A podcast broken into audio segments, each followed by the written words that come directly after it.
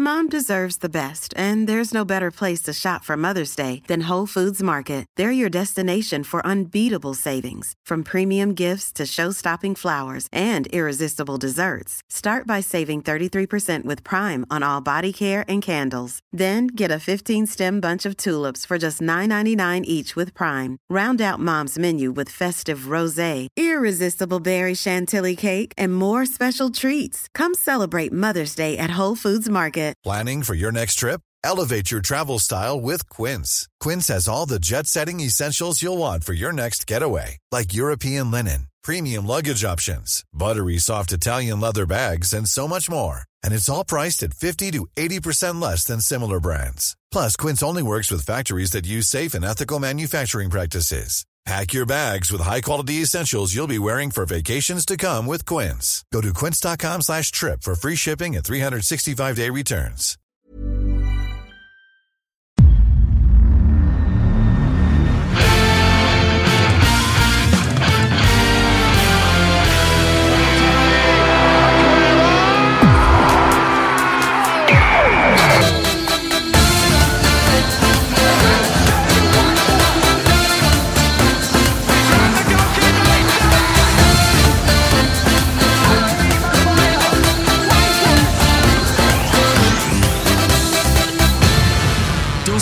Hjärtligt välkomna tillbaka till ett nytt avsnitt av Rule Britannia. Det är antagligen torsdag den 25 januari när ni hör detta.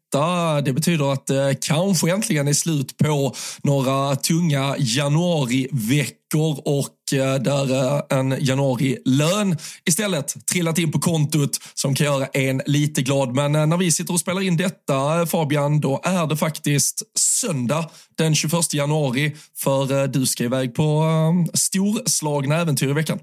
Ja, så när det här släpps så kommer jag, eh, ja, jag kanske kommer en liten morgonjoggingtur i ett soldränkt 16-gradigt eh, Rom. Eh, jag har spenderat gårdagen i Neapel och Eh, ätit pizza. Eh, så ja, det känns bra att liksom eh, se sig själv liksom strosa omkring eh, runt, runt gatorna i Rom och det är väl det bästa Marcus Birro sagt i sitt, i, i sitt liv att eh, man, man vill gå vilse med flit i Rom och det är väl indirekt exakt vad jag ska göra. Så jag ska, jag ska lyssna på det här och gå vilse i Rom på torsdag helt enkelt när jag, när jag hör det här. Kan också vara att du sitter på det svenska konsulatet efter att ha blivit knivrånad i Neapel. Ja, det är inte helt omöjligt. Ska, ska, ta ett, eh, ska ta ett kvällståg hem kvart i nio. Svanens första kommentar. Aj, akta, akta dig vid stationen. Håll i dina grejer.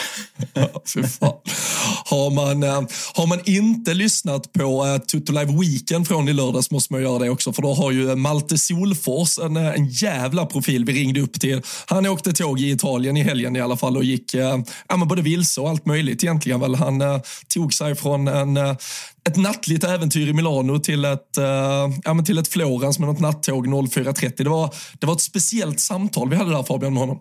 Ja, nej, men det var, det var, det var, det var stort och eh, när, när Malte följde mig tillbaka på Instagram var ju en av de största ögonblicken jag varit med om i hela mitt liv. Så jag tror inte att jag kommer komma upp i hans nivåer på dygn i Italien, men jag, jag ska göra mitt allra bästa. Eh, men annars ja. blir det väldigt mycket fokus på mat. Och jag, alltså, känner jag folk rätt i liksom fotbollsbranschen, folk som följer mig på Instagram, det kommer vara mycket, mycket arga kommentarer för det kommer bli mycket mat. Jag varnar er. Det kommer bli mycket ja. mat. Ja, men det är bra det. Vi, eh, vi ska inte prata allt för mycket Italien, eh, middagar, eh, vin och löpning nu här, utan det här avsnittet gör vi ju i samma lite halvt lagom uppmallade format som vi gjorde förra veckan, Midweek-avsnittet. Det som då också är någon form av mid-season-avstämning. Vi snackade Chelsea, vi snackade Aston Villa, vi snackade Tottenham, vi snackade ditt Manchester United, Fabian. Idag ska vi ringa till eh, Timmy, snacka West Ham, vi ska ringa Emmerdal och snacka Newcastle. Pierre kommer komma in, snacka Arsenal och så ska vi ta eh, lite liksom mer då, eh, bredare och större grepp kring Liverpool också. Och inte bara det som jag normalt skjuter ut mig här i veckorna. Så det är återigen en rejäl ringtur som väntar. Mm, jag hoppas verkligen, för när vi sitter där söndag, söndag förmiddag så har vi inte löst någon till Liverpool-supporter. Så jag hoppas verkligen att du gör gnugget i veckan, för jag orkar inte sitta och lyssna på dig själv som ska prata Liverpool. Det är nästan så att jag, så att jag löser en av mina polare som får göra poddebut, bara för att liksom balansera upp det lite. För de är, de är ändå vettigare. ja, det, alltså det, jag, jag pratade med uh, min, min kära vän Pontus Wenemo, han är Liverpool-supporter. Jag tänkte att han kanske skulle vara med. Han kommer säkert gästa oss framåt. Han skulle också iväg på lite äventyr den här veckan, så han kunde inte. Men han sa, men bara njut av faktumet att du har monopol på Liverpool-åsikter i Sverige istället Robin och liksom bejaka det. Så jag, tänkte, kör en monolog och släpper. Uh, en, uh, på tal om italiensk uh, boll, liksom, Christian Borrell-style, att jag bara sitter och pratar i en och en halv timme kanske om Liverpools förträfflighet istället. Att antingen skulle det vara lyssnarrekord eller så skulle podden behöva lägga ner efter det där. Eh, det är hårfin gräns. Men eh, ja. fan, ska vi, ska vi komma igång? Ska vi ringa Timmy? Det tycker jag vi gör. Ja, då har vi vår eh, West Ham-favorit Timmy Gummesson med oss på linjen. Lite okristligt av Fabian och mig att tvinga upp dig en söndag morgon för att prata West Ham kanske. Hur fan är läget med dig? Jo, men det är bra. Ehm, men det passar ändå ganska bra i och med att jag ska överleva 90 minuter mot Sheffield så då kan man börja i tid, tänker jag. Vi, eh, vi får ha med oss det när vi, eh, nu när vi pratar om eh, detta. När folk lyssnar så vet de ju kanske att ni ja, men, gick på pumpen och förlorade med 3-0 mot Sheffield United och tänker varför är han inte mer frustrerad över det? Det? Det är en kristallkula inte ens vi har kunnat gnugga fram så det kommer vi inte riktigt veta. Utan istället så handlar det om de breda penseldragen kring West Hams säsongsinledning så här långt. Och vad vill vi då börja med att veta Fabian kring West Hams säsong? Ja, men vi kör väl som, eh, som senast och tar en... Ja, men om du ska summera säsongen kort och liksom försök hålla det ganska kort för vi kommer komma in på mer detaljerade frågor. Eh, och som sagt, det kan ju vara så att David Moyes har gjort en kupp och har stått med både Calvin Phillips och eh, Smith Rowe och presenterat dem för att West Ham liksom ska kanske utmana om topp fyra. Man är inte långt borta. Så en, en kort sammanfattning om, om hösten helt enkelt. Ja, en kort sammanfattning. Det är väl att någonstans med föregående säsongen med oss så vet jag inte riktigt vad vi skulle förvänta oss. Ehm, vi kommer från en ganska dålig Premier League-säsong och, eh, men också en Conference League-vinst. Så eh, jag vet inte riktigt vad jag förväntade mig, men nu står vi här och vi är på plats sex i tabellen och vi har vunnit vår Europa League-grupp. Så jag tycker någonstans inte man kan klaga även om spelet har vacklat lite fram och tillbaka. Får jag fråga, vad gör de här lite roliga, raljanta statistiken på att Arsenal är ungefär 15 poäng sämre och ni är ungefär 15 poäng bättre än vid, vid föregående tid förra säsongen med och utan Declan Rice? Ja, vad det gör är väl att jag tycker att Ehm, Declan Rice är i grund och botten en eh, produkt av Mois. Ehm, och det, det har väl folk svårt att erkänna kanske. Och de känns som att de tror att Arteta har gjort något mirakeljobb där. Men eh, man måste ändå hylla Mois för det han har gjort med Declan Rice och hur han bygger ett mittfält någonstans. Eh, och det har vi ju sett nu efter att Rice lämnat också att det är ju mittfältet han är bra på att bygga och kanske inte individerna. Och uh, i, uh, i, i Rice eh, frånvaro då så blev det ju ändå, vi har, vi har ju sett den typen av uh, business förr om jag går till, eller man kan ju ta liksom när Tottenham sålde Gareth Bale, du får väldigt mycket pengar för en spelare, du kanske inte har, du är inte på hyllan där du kan ersätta en världsstjärna med en annan utan istället så är det ju kanske en världsstjärna ut och så får du plocka tre, fyra spelare in då från en lite lägre hylla. Men som du säger kanske då summan av alla de här eh, ja, men, adderade spelarna kanske ändå blir större då än den där stjärnan som har lämnat. Lite beroende på vilken träff man får. Tottenham fick ju inte riktigt den träffen där. Men om man tittar på era nyförvärv här, vi har ju också en kategori som heter höstens positiva överraskning. Det känns ändå som att många av nyförvärven slåss lite om att sticka ut där eller vara med och eh, slåss om titeln som eh, den positiva. Det känns som att många ändå har kommit in väldigt bra i West Ham och direkt fått träff. Absolut. Ehm, jag hade lite Eh, problem i, i huvudet när jag skulle tänka ut en enskild positiv överraskning. Då jag tycker en positiv överraskning har ju varit just mittfältet eh, som ett kollektiv och hur vi har löst det där.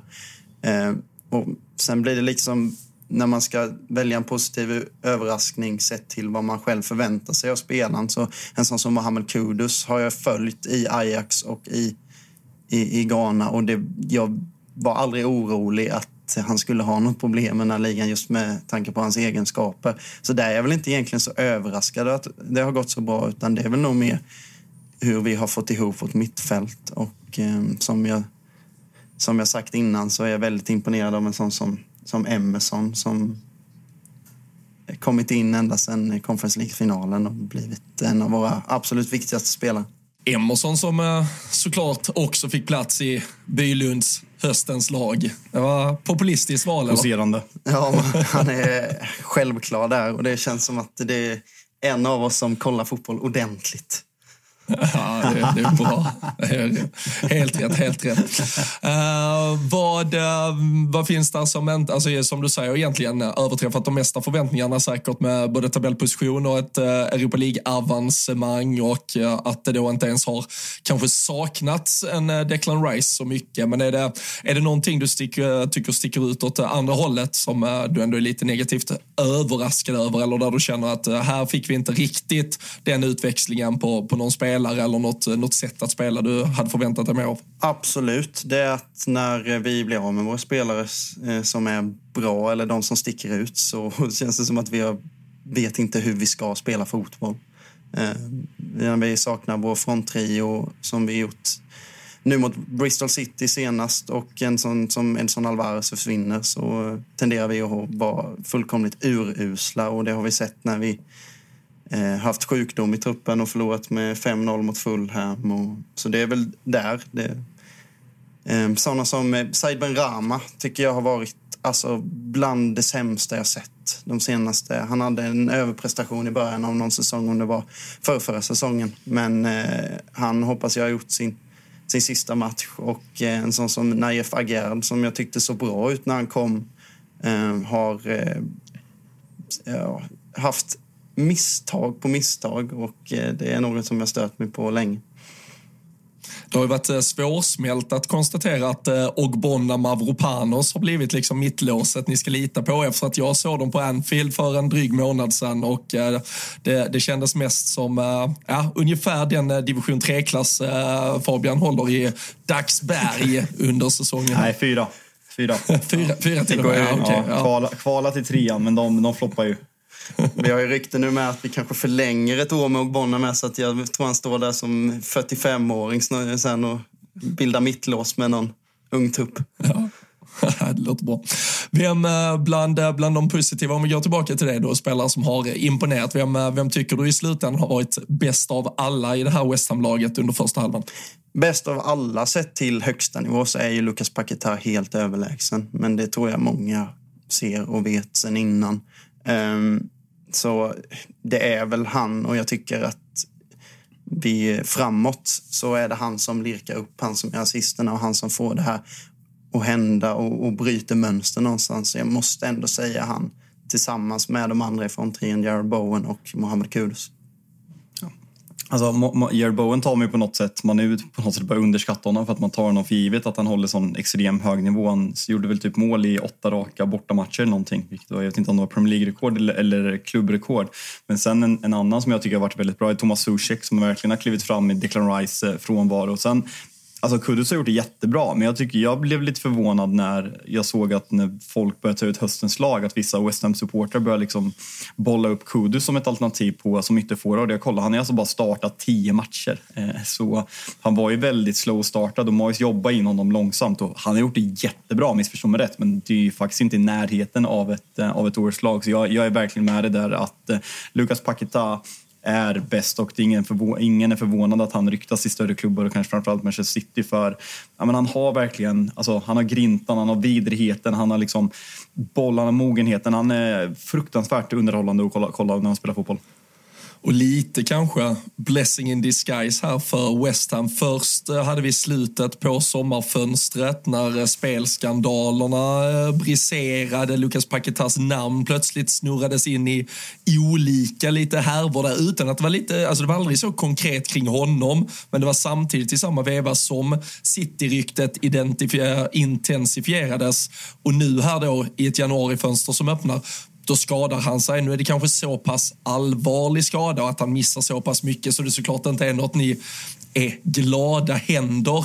Men det är ändå två fönster där yttre omständigheter ändå stoppar honom troligtvis från att flytta. Och med tanke på nivån han håller, klassen han besitter, så är det ju en spelare som kanske egentligen är för bra för West Ham om du förstår mig rätt i alla fall. Men nu ser ni ändå ut att få bollen honom hela säsongen. Det måste ju vara jätteviktigt, speciellt med tanke på ett Europa också. Absolut, det har kommit helt perfekt de här skadorna. Och, men eh, jag tror egentligen kanske det aldrig hade blivit någonting nu i januari med tanke på att den här utredningen tar tid och att den fortfarande pågår, vad man har hört i alla fall.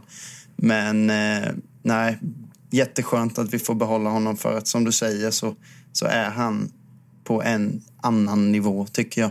Eh, även om en sån som Bowen också är där uppe så, så är det något helt annat med Paketa. Det är uh, en uh, David Moyes, uh, det vet alla som tränar er. han bärgade den där pokalen för ett drygt halvår eller åtta månader sedan. Nu leder han er till fan, höga höjder igen trots att vi, liksom, det är ju som en humla, det ska ju inte gå. Han ska ju inte kunna flyga så här högt men uppenbarligen så gör han hur, hur är synen på David Moyes i West Ham-lägret så här? Nej, jag blir inte klok på gubbfan. Alltså, det är... Eh, det, idag vaknar jag upp och har eh, full förtroende för David Moyes men i eftermiddag kanske det är helt åt andra hållet. Och det beror... Jag vet inte vad det är, men någonstans så är vi, har vi aldrig varit så här stabila som klubb så man måste ändå landa i att det är rätt för oss. Sen om han kan ta det här ett steg längre med att börja utmana eh, topp fyra-klubbarna eller något sånt här på riktigt. Det har jag kanske svårt att tro, men jag myser ganska mycket som det är nu. Att vi, eh, vi slår eh, de största, största lagen någon gång ibland och sen går vi bra i Europa och fortsätter spela Europaspel. Så där är jag väldigt nöjd. Mm. Ja, det, det förstår jag. Um, eh, hade, du, hade du tagit tillbaka Mois nu till United, Fabian? Eller? Vad känner vi? Med tanke alltså, på vad ni, har, vad ni har haft sedan dess.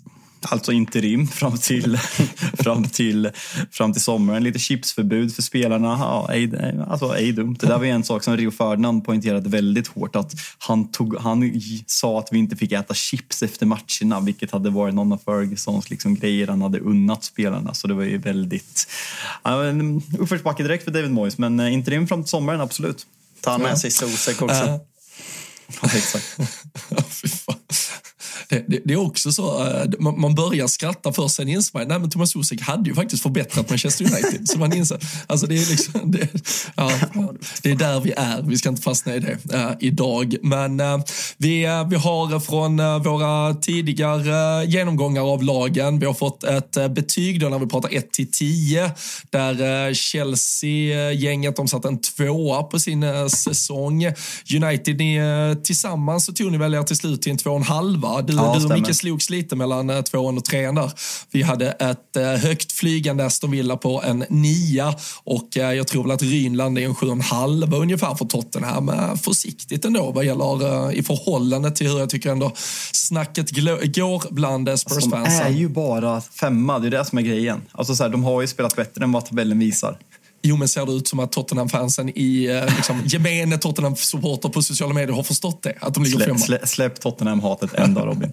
Följetong-podden, ja, ditt Tottenham-hat. Absolut. Men uh, vad, uh, vad sätter vi in West Ham här då? Hur, uh, hur högt ska betyget sättas?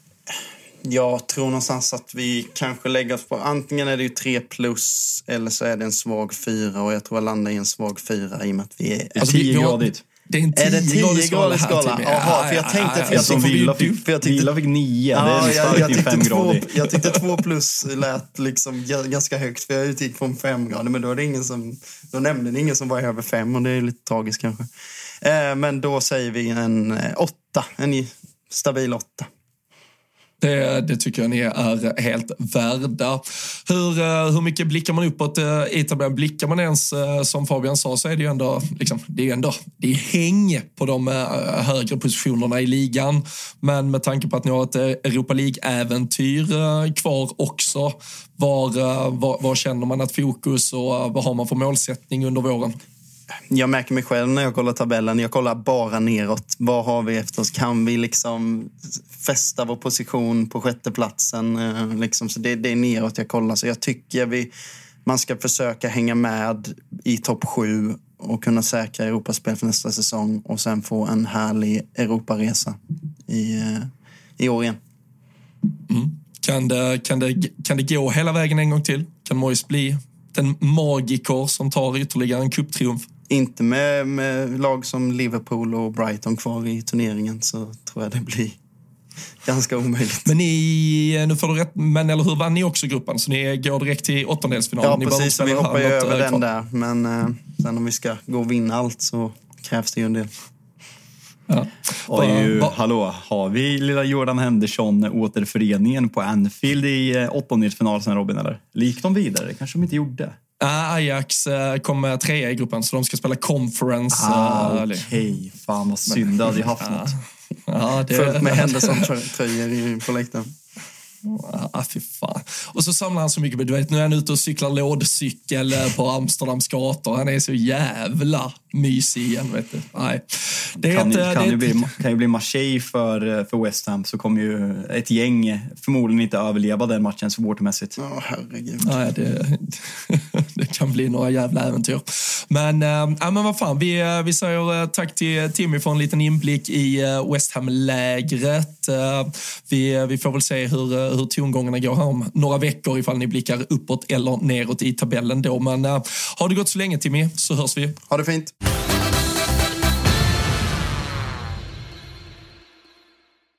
Ja, det var eh, en eh, blick in i eh, West Ham-lägret där. Tycker du att de ska, ska de titta uppåt eller neråt i, i tabellen, Mois-gänget? Nej men absolut eh, neråt skulle jag, skulle jag säga. Alltså det, det är en klubb som är svår att få grepp på. Man, man fattar indirekt inte var, var, varför de ligger där. Men likväl som Tim är inne på, när de har det bästa laget möjliga så har de ett väldigt slagkraftigt lag med väldigt många bra spelare. Men det har varit ganska, som man säger, man märker av när flera viktiga spelare är borta. Så det gäller att hålla spelarna skadefria så tror jag att man, alltså man kanske inte kommer komma sexa, sjua men runt åtta där någonstans tror jag absolut det är möjligt för, eh, för West Ham att komma. Så det blir en spännande eh, avslutning för, eh, för West Ham helt enkelt.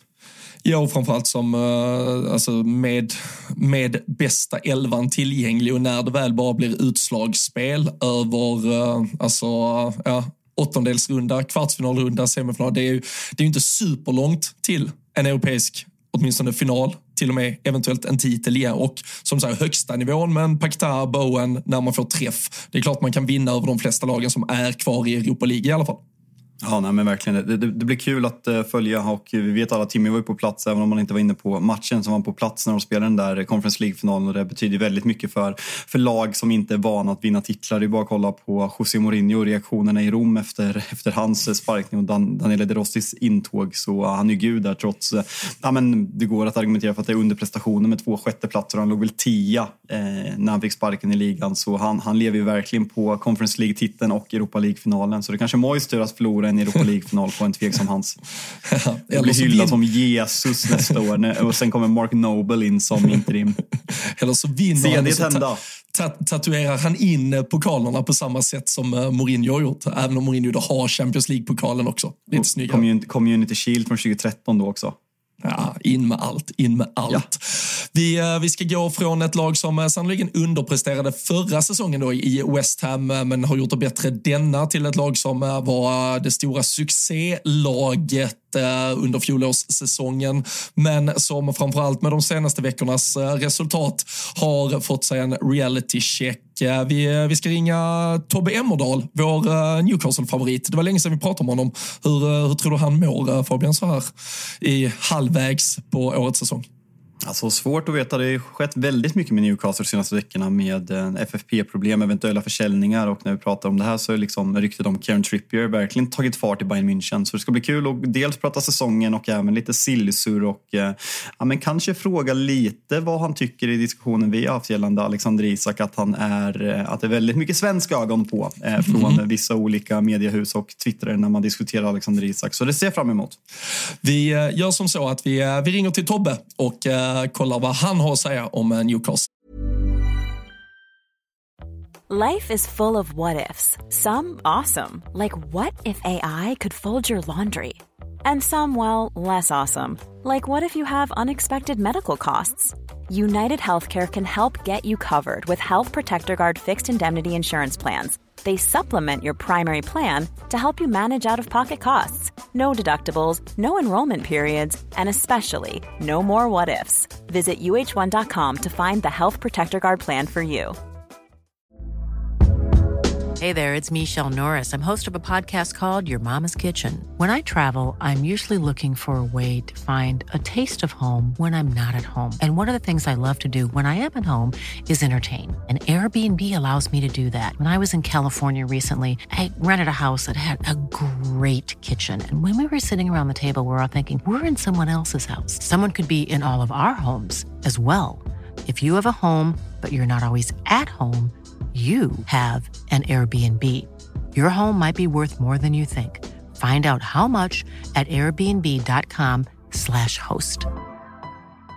Mom deserves the best, and there's no better place to shop for Mother's Day than Whole Foods Market. They're your destination for unbeatable savings, from premium gifts to show-stopping flowers and irresistible desserts. Start by saving 33% with Prime on all body care and candles. Then get a 15-stem bunch of tulips for just $9.99 each with Prime. Round out Mom's menu with festive rosé, irresistible berry chantilly cake, and more special treats. Come celebrate Mother's Day at Whole Foods Market. Säsong. Ja, men då har vi med oss uh, igen. Det, det, var ett tag sedan sist. Uh, Tobias Emmerdal, hur uh, är läget med dig? Tjena grabbar. Jo, det är bra. Jag ska sända lite Premier League idag. Jag ska sända din Liverpool-match bland annat. Så mm. det är bra med mig. Hur mår ni? Kan du inte lägga in så här riktigt reklam? Just fan att spela borta. Alltså jag skulle fan vilja betala dig för att kuppa in något skit under You'll Never Walk Alone någon gång. Är du, är du öppen för det eller? ja, det Fan, så fort någon ens liksom släpper en nål under You'll Never Walk Alone så får Strömblad hat skrifter på Twitter. Vet det, är, det är verkligen eh, den mest bajsnödiga supporterskaran gällande introlåtar i alla fall. Ja, men det värsta med när Arsenal har fått en egen introlåt, då vill ju de också att, eh, att kommentatorerna ska vara tysta. Eh, när de sjunger North London Forever så det var fan, ja, men, nej, alltså, trött på det där jävla surret. Det kommer nog dröja ett bra tag innan den, liksom, You Never Walk Alone får ju ändå liksom eh, håren att resa sig som motståndarsupporter.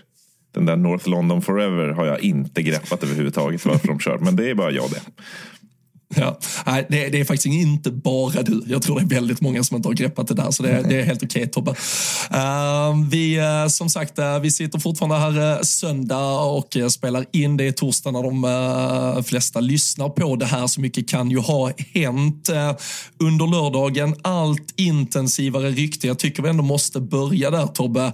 Kieran Trippier eventuellt när folk lyssnar klar för Bayern München. Både Romano, och Florian Plettenberg har väl varit ute och liksom sagt att det kommer nog bli verklighet han har ändå varit symbolen för mycket av det, det nya Newcastle ni blev under två år här, eh, men eh, kanske då lämnar skutan i ett läge där det har varit tuffare de senaste veckorna. Ja, och kontakt är tagen är det senaste som jag har läst och eftersom ja, stortwittrarna och eh, transfergurusarna verkar tycka att det ska bli av. Så ja, det är otroligt vilken karriärsvändning eftersom hans fru ville flytta hem från Madrid till England.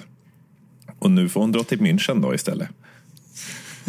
Ja, men de, ska ju, de ska ju samla bandet där. Vet du. Det är både Kane och Dyer, det är gamla Spurs-ligan som ska återförenas och härja på birhallarna i det, München. Det är alltså, Bundesliga visar sig vara Spurs version av MLS. Alla drar dit i slutet av karriären. Exakt, men om vi bara spekulerar lite i Trippier, för det som Robin säger, han har verkligen blivit symbolen för det nya, nya Newcastle som började att värva väldigt smart eh, under, under Piff. Han var väl eh, en av de första värvningarna eh, som kom in där. Men ser du någon rimlighet i det? Alltså hans form har ju declinat enormt mycket de senaste en, två månaderna och liksom är ansvarig för uppemot tio baklängesmål. Eh, det har skett rykten om någonting bakom stängda dörrar. Jag eh, har inte stenkoll på exakt vad det är. Tror att det har något med det att göra eller liksom bara att han vill ta chansen och Newcastle ser chansen att liksom casha in på en 33-åring när man har Livramento som, som backup som är redo, som har visat när han, när han vikarierar för Dan Burn även på vänsterbacken att han, han håller en hög nivå. Jag tror att samtliga, samtliga teorier som du bollar upp är faktiskt ganska rimliga. Ehm, och Nej, men alltså, det som Trippier har presterat under de här två åren är ju trots tio rejäla misstag senaste två månaderna så är det liksom så här, nej, men han får göra det. Han får skicka ja. oss ur ligacupen. Han får eh, liksom bara glömma bort hur man eh, behandlar en boll med fötterna mot Everton två gånger dessutom.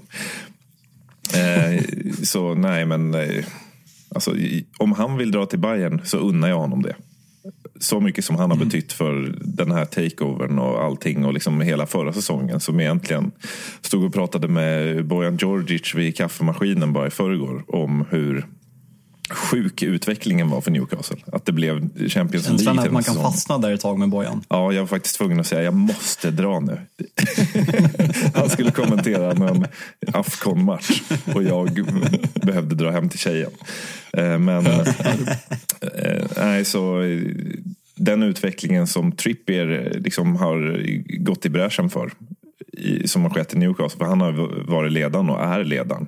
Man har sett det liksom på sättet som han liksom får alla att gå fram till supportrarna efter matchen. Och eh, så här, nej, det är bara eh, positiva känslor från mig eh, gällande Kieran Trippier. Och om han vill dra till Bayern så får han göra det.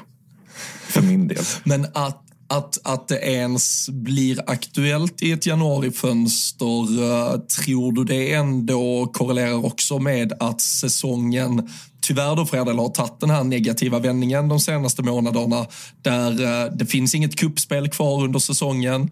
Det är en eh, ligaposition där Champions League börjar se allt mer avlägset ut.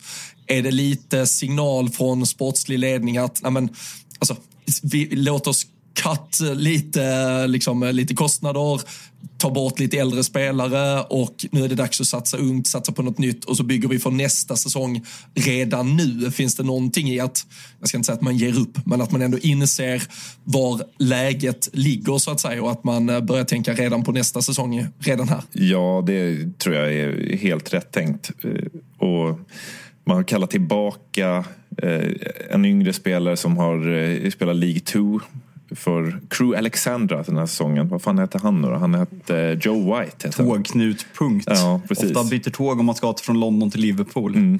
Alexandra Stadium eh, tror jag att eh, arenan heter. Spelat med dem på FM. Ja, fick du in FM också? Fan, jag har, ja. jag har aldrig fastnat för det. Otroligt det tidsslöseri. Alltså. Det är, det är en helt ny nivå av tidsslöseri. Men var var vi någonstans? Jo, det att Ja, men att man börjar kanske snarare redan nu då starta bygget istället för, det kan vi komma till sen, det har ju pratats om om man eventuellt behöver sälja några av de här storstjärnorna på grund av FFP-regler, att man nu då istället kanske säljer den typen av spelare som man ändå med tiden hade behövt slussa ut kanske kommande en, två säsonger. Ja, och eh, sen är det ju att det är svårt för Newcastle att värva i januari med de här liksom profit sustainability-reglerna som finns i Premier League utan att man säljer något högkalibrigt. Så det har varit uppe en poll på, eh, på Twitter om vem man helst skulle sälja av Isak, Bruno och Bottman. Och då var det Isak som vann. Men om Trippier drar så vi får bort en lönepost eh, så, så går det ju att få in täckning på mittfältet. Så det är det som är den kritiska delen nu. Mm. Vi, eh, vi, ska, vi ska jobba lite uppmallat eh, här också vad gäller Newcastle, även om det som sagt finns då lite aktuella punkter eh, som absolut måste behandlas. När, du, när du tittar tillbaka på en höst som gav sannoliken höga höjder med några av de ja, men fan, häftigaste fotbollskvällarna jag ändå kan minnas att vi hade under hela hösten med tanke på era Champions League-inramningar på St. James's, men, men sen då också ett ligaspel som, som till slut här inte riktigt har levt upp kanske till förväntningarna på det. Var, hur, ja, hur blickar du tillbaka på hösten med, med en kort summering på, på Newcastles första halva? Ja, men helvete vad de har krigat på. I, för när vi pratade innan säsongen började så sa jag att truppen är för tunn för att spela Champions League och Premier League på hög nivå. Eh, och det var med liksom en skadefri trupp. Sen har ju liksom i princip varenda startspelare, eller alla startspelare, har varit skadade. Eh, eller är skadade.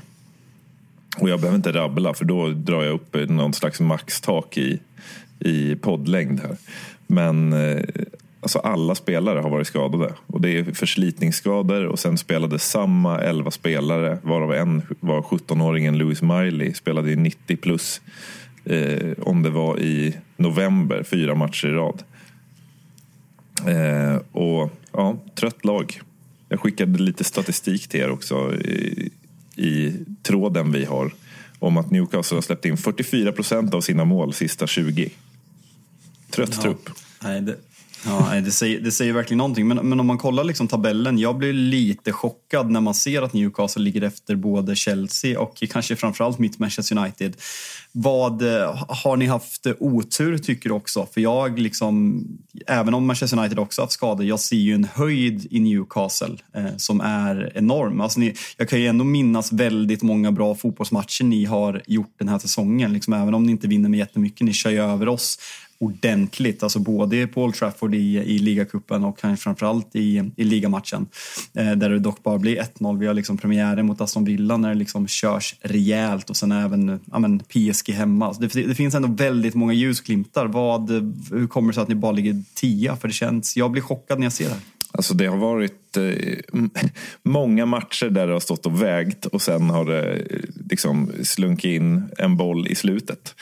Som var så här, nähä, inte den här gången heller. Ja, men nu City senast, det såg jättebra ut i typ 60 minuter. Sen kom Kevin De Bruyne in och bara kör. hade show. Det, det, spelar ingen roll om Newcastle var trötta när han kommer in förvisso. Men det har sett ut så i många matcher att eh, det har varit bra i typ en timme. Och sen så går laget mm. på knäna. Alltså Milan i Champions League, precis likadant att Newcastle var spelförande första timmen. Sen kommer Milan och bara liksom sköljer över när eh, Newcastle inte orkar längre. Mm. Jag, jag, jag, jag, jag kollar bara, förlåt Robin, men jag kollar, tog upp XG-tabellen lite. Om man kollar underliggande siffror, då ska Newcastle ligga på en sjätte plats. Ni ska alltså ha sex poäng mer än vad, vad tabellen visar och det där bekräftar ju liksom Manchester United ska ha sju poäng mindre. Så liksom den där känslan man har att Newcastle har sett bättre ut och kanske underpresterat lite sett till prestationer stämmer ju även enligt de underliggande siffrorna. Även om man såklart inte bara kan skylla på skador och otur hit och dit så tycker jag ändå att det är kul att få en fingervisning liksom vad, vad siffrorna säger också. Ja, du, eh, du har haft flyt. Det har du haft. alltså United, United ska väl ligga på typ 15 plats enligt underliggande. Eh, ja, men det, det har ju faktiskt sett stackigt. helt bedrövligt ut och så har ni fått med er 1-0. Hur många mål har ni gjort? Eh, vi har väl gjort 24 mål. Eh, skulle faktiskt ha gjort 30. Vi ska ju dock, eh, Onana har ju, jag tror att Onana är näst bästa målvakt i hela ligan enligt, eh, enligt statistiken efter Lutons målvakt på att förhindra mål. Så det, det är klart att det är stökigt när man går in och kollar på det här och ska försöka få lite självförtroende. Ja, det, det, blir tvärtom ofta. Ja, men statistik är intressant. Det går vidare än hur fan man vill. Såklart. Vi, eh, vi, jag tänker vi hoppar lite i, vårt, eh, i våra små punkter vi har här. För jag okay. tycker ändå att eh, prestationen då, eller eventuella icke-prestationen så, såklart så går förknippat med Eddie Howe. Vi har en punkt som heter tränaren och liksom synen på tränaren.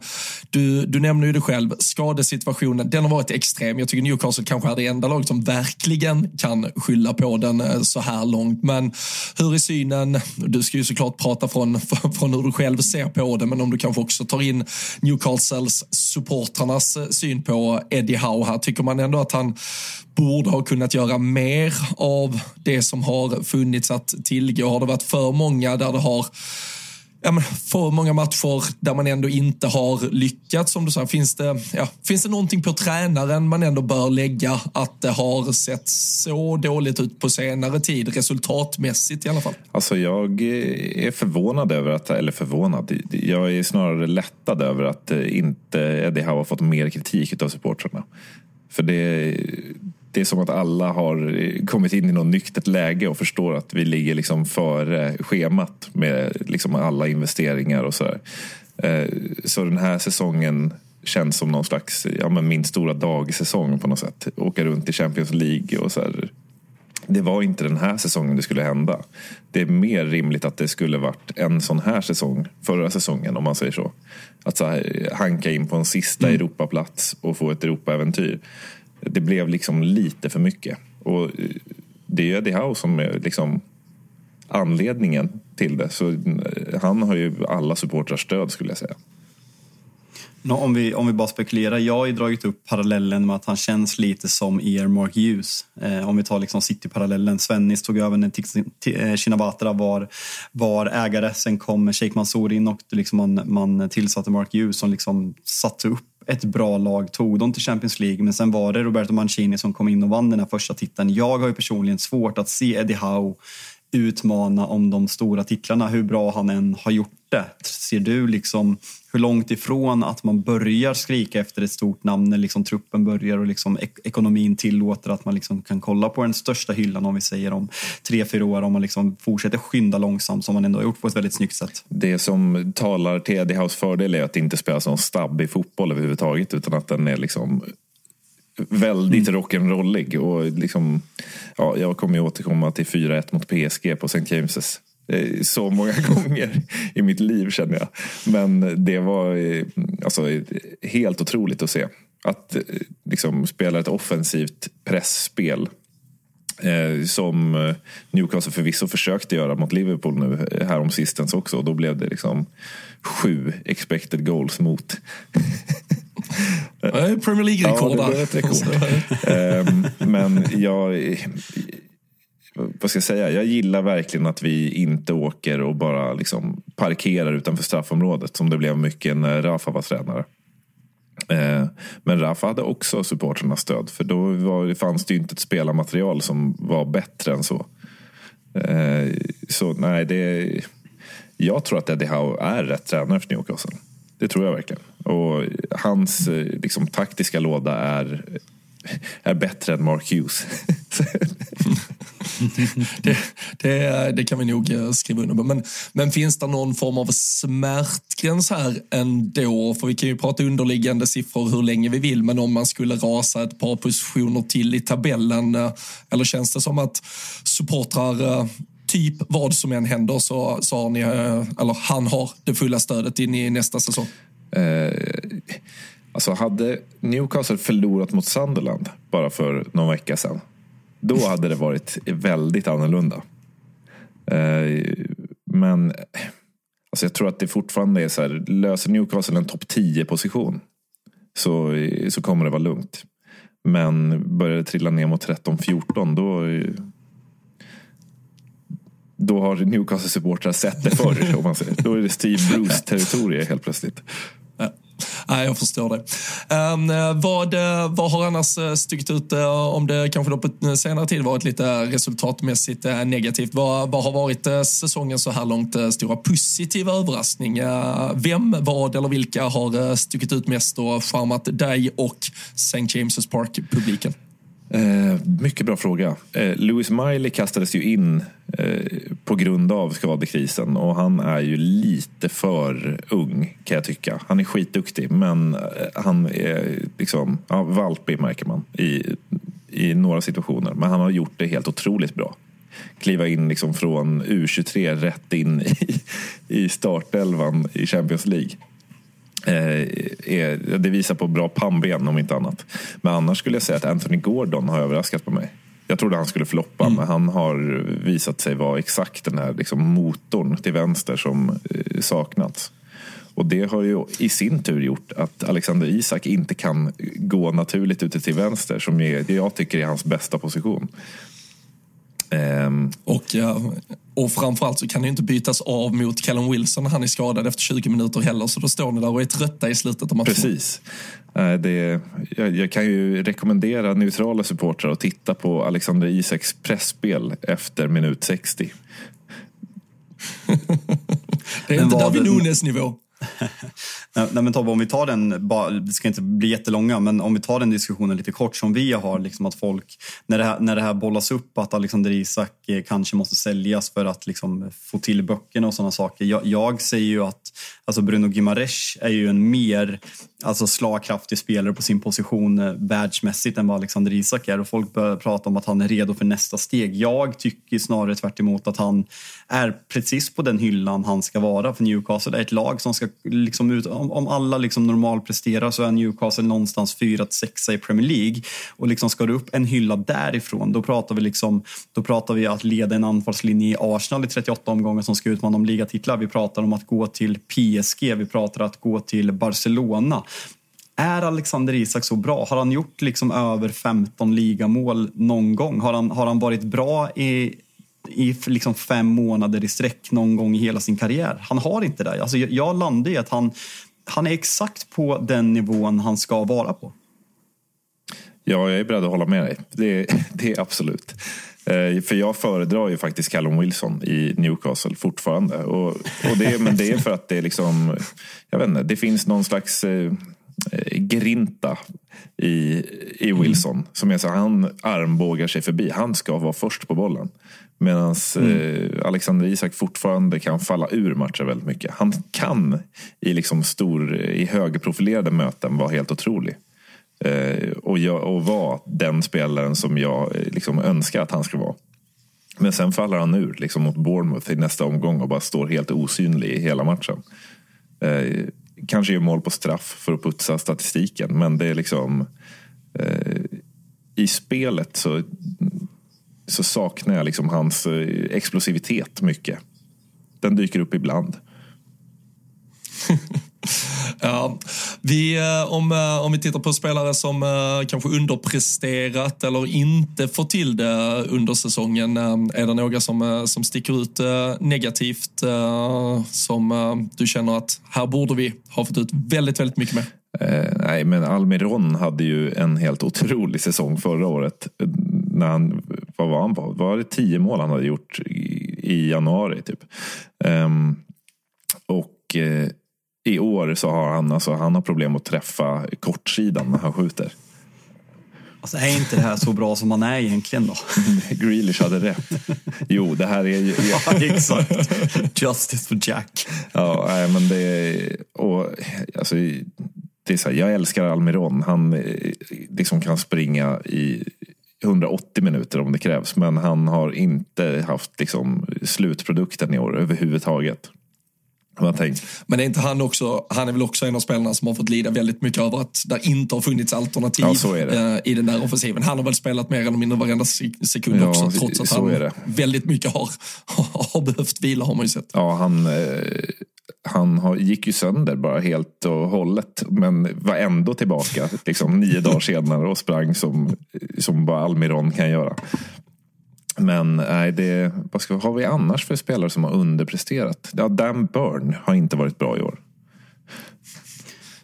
Den alltså, har aldrig varit bra egentligen. Ja, men det, det, känns ju också som att det här är hans nivå, liksom eh, Almiron, att de kanske överpresterade något förra året. Men om vi pratar, vi var inne på Anthony Gordon som den största överraskningen. Vem, vem tycker du har varit den, den bästa spelaren? Eh, är Anthony Gordon med där uppe också eller pratar vi liksom mer mittfältspelare eller mittbackar? Vart landar du där? Ja, jag måste lyfta Bruno. Han är, liksom, när Bruno inte spelar så är Newcastle inte ens ett liksom, dugligt fotbollslag.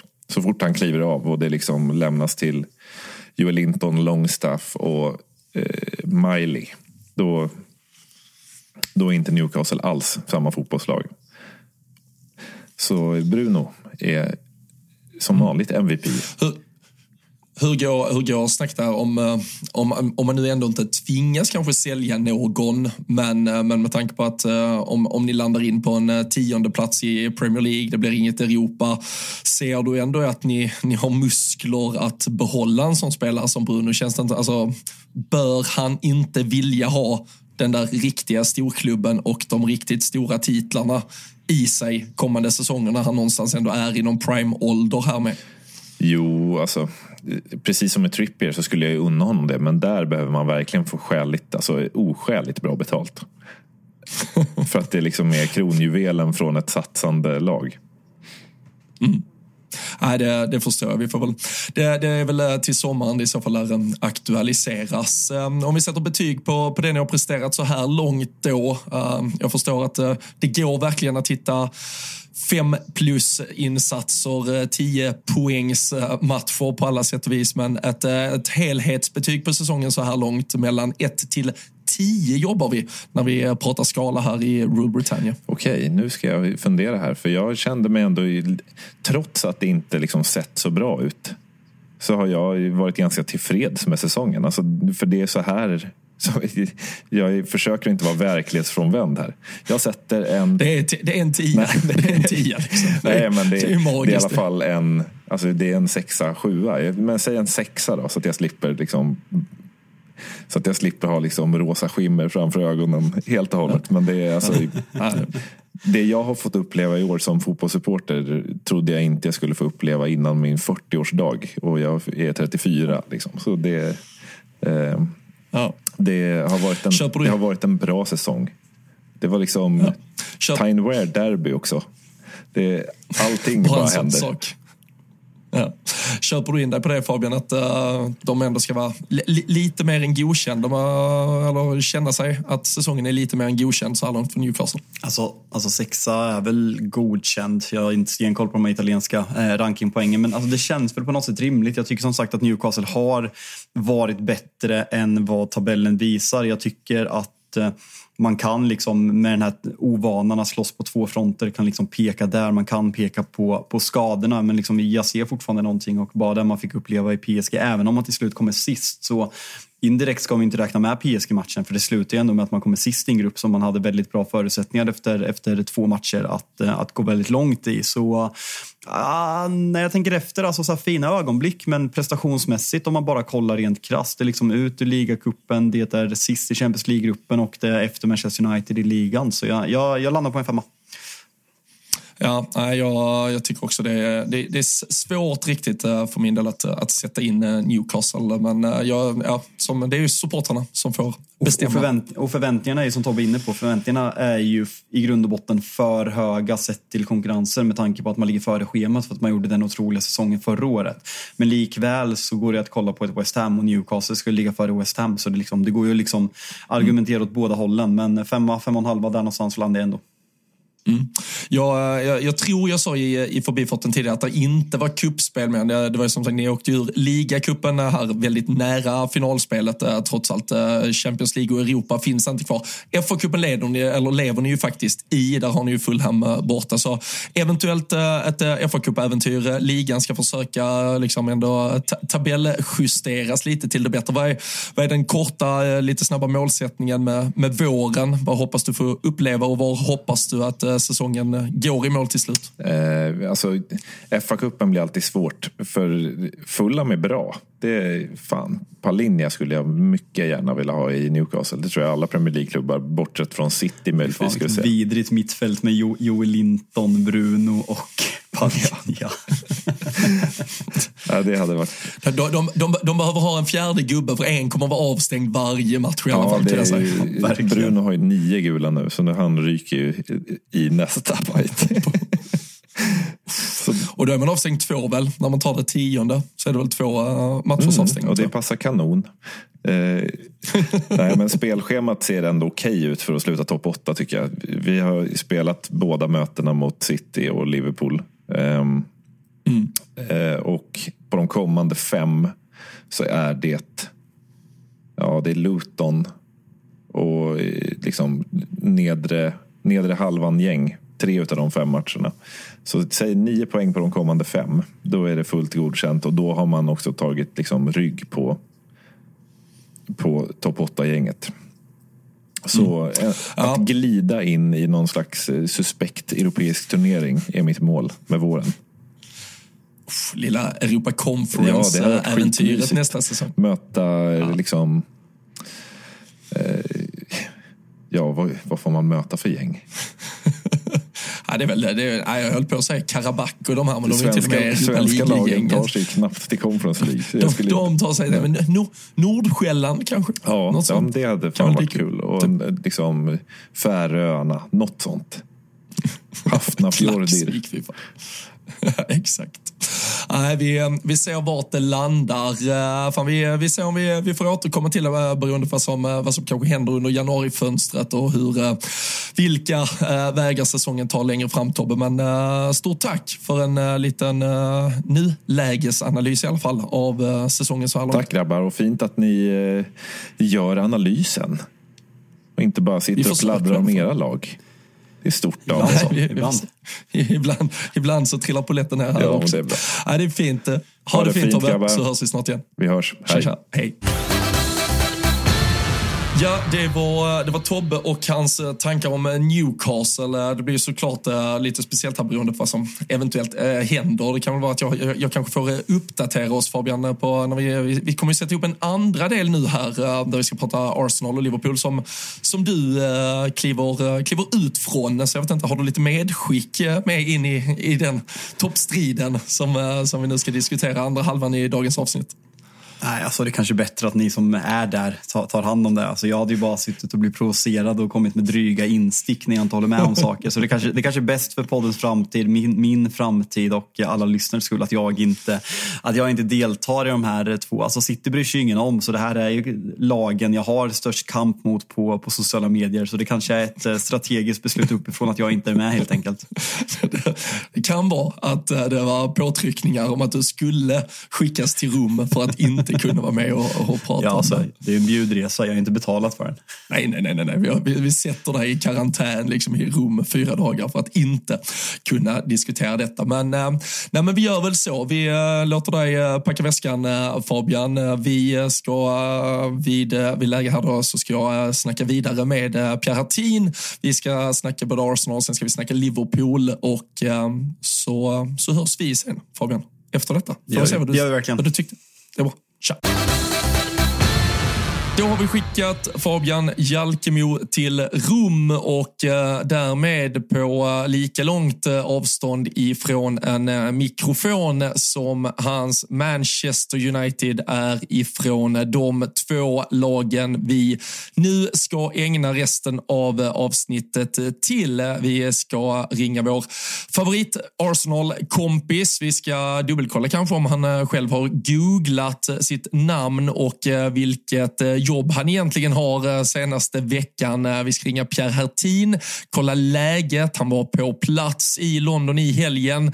Vad är egentligen hans känslor så här halvvägs in på säsongen? Eh, kom ju in i en säsong med ja, men uppumpat bröst, tro på sig själva efter fjolåret. Där fjolåret då vid den här tiden var väldigt mycket överraskning kanske och överprestation så fanns väl förväntningarna på en toppplacering där på ett annat sätt nu. Vi, eh, vi ska även ringa och eh, koppla in eh, en mer Liverpool-känslor. vi ska ha, ja det blir ju lite sektlikt kanske för någon där ute, men vi gästas av min parhäst i det som vi vid sidan av Rule Britannia driver som LFC-podden, där vi pratar uteslutande Liverpool vecka in och vecka ut. Daniel Forsell är en kär boråsare som gör debut i Rule Britannia. Kanske blir den klokaste Liverpool-tyckaren i den här poddens eh, 70-åriga historia. Det är ingen mördande konkurrens kring det i alla fall. Vi eh, ska bara säga innan vi ringer Pierre och eh, Danne att vi såklart som vanligt är sponsrade av ATG. Vi var ju tyvärr väldigt, väldigt nära, eller det var inte tyvärr att vi var nära, men tyvärr så nådde vi inte hela vägen fram på den trippel vi hade i helgen. Det satt ju som en smäck att Brentford under helgen slog Nottingham att uh, Darwin Nunes med uh, god marginal hade minst två skott på mål mot Bournemouth. Men Brighton kunde inte göra jobbet hemma mot Wolverhampton. Vi hade tippat uh, Brighton att vinna. Det blev 0-0 på Amex Stadium i måndags. Så tyvärr inte en ny trippel som satt, men vi gnuggar såklart redan geniknölarna här för att komma med en ny trippel till helgen. Jag har satt Fabian på att ja, men lite mellan allt eh, solande och eh, flanerande längs Rums gator så får han eh, sätta sig ner, ta ett litet break i, i, i, i det jobbiga liv han lever där borta i Italien denna vecka och klura ut en riktigt härlig trippel. Så skickar vi ut den i våra sociala medier. Sätt som sagt lite notifikationer på våra Twitter och Instagram-inlägg så är ni med på när vi delar det här under slutet av veckan veckan. ATG.se är det som gäller. Går man till slash tutto hittar man alla våra spel. Där finns även Big Nine inför helgen. fa Cup-skrällar kanske står på schemat och eh, som vanligt så gäller det att man ska vara 18 år fyllda om man ska spela på ATG och eh, såklart också så finns stödlinjen.se ifall man har några som helst problem. Men eh, nu gör vi som så. Vi slår eh, två flugor i en smäll. Vi ringer upp både eh, Pierre Hattin och Daniel Forsell och så eh, pratar vi eh, Premier Leagues toppstrid den närmsta tiden. Ja, men då har vi toppat upp laget ordentligt. Vi ska snacka vad som kanske potentiellt kan vara ett eh, titelrace under våren. Men vi ska framförallt först och främst välkomna, tycker jag, en debutant i detta sammanhanget, men en röst som jag och eh, de som eh, lyssnar Liverpoolpodd Liverpool-podd vid sidan av redan hör väldigt mycket av varje vecka. Daniel Forsell Nyss dessutom, vi konstaterade precis, hemkommen från Washington som är 30 timmar lite drygt vaket i bagaget. Kanske det blir en sluddrig debut i eh, Rule Britannia. Ja, men det blir väl inte eh, bättre än så att få... Eh, liksom, det, det, känns som eh, ett nyförvärv på deadline day. Liksom. Man har blivit in, influgen och man vet knappt vilken tidszon man befinner sig i och så får man gå rakt in i, i en toppad startelva här. Så nej, mycket bättre kan det väl inte bli. Nej. På tal om att inte veta riktigt vilken tidszon man befinner sig i och om det är jetlag eller bakfylla man befinner sig i. Pierre Hattin, du är också med oss. Tack så mycket. Det är väldigt skönt att det inte är jag som får de där frågorna. Att hemkommen och jetlag och allt vad man blir påkastad. Det, kan det vara att uh, tvåa på Google är Pierre Hertin jetlag? Ja, jag hörde ju vad ettan var senaste veckan. Det är helt otroligt. Jag gick in och sökte själv. Men ja, grävet ifrån Jalkemo ibland. Eh, kunde ha delats ut pris för det igår på Idrottsgalan faktiskt. Ja, nej, så, så är det ju. Eh, har man, har man missat eh, den referensen eller den är för eh, högtflygande över huvudet här så, så är det ju från, från veckans första avsnitt. Där får man gå tillbaka i, i lilla biblioteket och lyssna in det. Nu ska vi, vi ska snacka Liverpool, vi ska snacka Arsenal och det var som någon sa till mig, det, eller Fabian har ju varit på mig, han tycker ju inte att jag ska ha monopol på Liverpool-åsikter. Sen kanske man ändå ska föra till bordet här Dan, att du och jag har ju lärt känna varandras Liverpool Liverpool-åsikter genom liksom, ja, men 15 års eh, Liverpool-supporterskap gemensamt ungefär och typ 10-årigt eh, poddande. Så det är väl kanske inte så att eh, ja, vi står i varsin ringhörna vad gäller eh, Liverpool, Klopp eller något annat kring laget. Ja, men framförallt är det ju svårt att göra det när det går så som det går just nu. Det, är väl, det har vi konstaterat många gånger under de tio åren som du säger att det, det är enklare att ha lite eh, liksom, skiftande åsikter när det går lite sämre och det är lite tuffare. För eh, ja, men då, då kan man ju hitta egna lösningar så att säga. Nu är det klart att det är, eh, man får ju liksom gräva för att eh, hitta det man ska eventuellt hitta förbättringspotential i och då, då är det väl extra kul att, att jag är med i sammanhanget och får podda med någon som inte bara prata Liverpool som ju eh, jag till, till vardags i mitt poddande gör. Så att, eh, då är det ju riktigt skönt när man utgår från toppositionen när man eh, kommer in här och gästar. Mm. Vi, eh, vi eh, ska eh, följa vårt, vårt lilla schema som, som Fabian han snickrar ihop det och sen stack han till, till rum liksom och lämnar mig med det och han kommer vara förbannad så in i helvete om jag inte följer det till punkt och pricka här Pierre. Och vi, vi ska börja prata lite Arsenal den säsongen som har varit. Du, du var ju över i helgen, fick se en pulverisering av Crystal Palace 5-0. Hur, om vi börjar kort där, hur upplevdes den här segern just i lite lite kölvattnet av ja, men två, tre, fyra veckor som ändå har varit lite kantad av eh, frågetecken, eh, lite sviktande form, målskyttet har det lite gått troll i. Även om det så att säga inom citationstecken bara var Crystal Palace, ja, hur viktigt var det att ändå få en sån här match på hemmaplan, ja, ingjuta all den optimismen igen? Nej, men det är väl precis det du är inne på. Och lägg där till ja, lite hackigt i, i spelrytmen nu för alla lag. Eh, och ja, det kanske blev en positivt uppehåll för oss och för laget att åka till Dubai och samla kraft. Eh, såg ju nu att Saka ville snacka till sig att de ska åka tillbaka till Dubai eftersom vi inte har något kuppspel eh, nästa helg. Men 5-0 är väl precis det laget behöver efter det vi har varit eh, och just det som har kritiserats mest, vårt målskytte effektivitet i boxen. Eh, jag vet inte, 5-0 låter som en total överkörning och det är ju såklart att det var det. Men samtidigt tycker jag inte att det är i närheten av det bästa spelmässigt vi har gjort under säsongen. Eh, vi kommer från några matcher där vi såklart har spelat dåligt. Men eh, jag tycker på papp eller spelmässigt att det kanske inte var 5-0. Nej, det, det, kan man väl absolut. Framförallt så är det ju, det är ju proppen ur och en, eh, en fyra och en femma som eh, rullas väl in på, på, på 90 plus till slut efter att eh, Martinelli, han, han bara tryckte copy-paste och, och rullade in två exakt likadana i slutet. Ja, det är riktigt fint. Och det är väl precis det, det han kan behöva också. Samtidigt så Trossard såg väldigt fin ut också, så jag tror konkurrensen där kan bli nyttig framåt.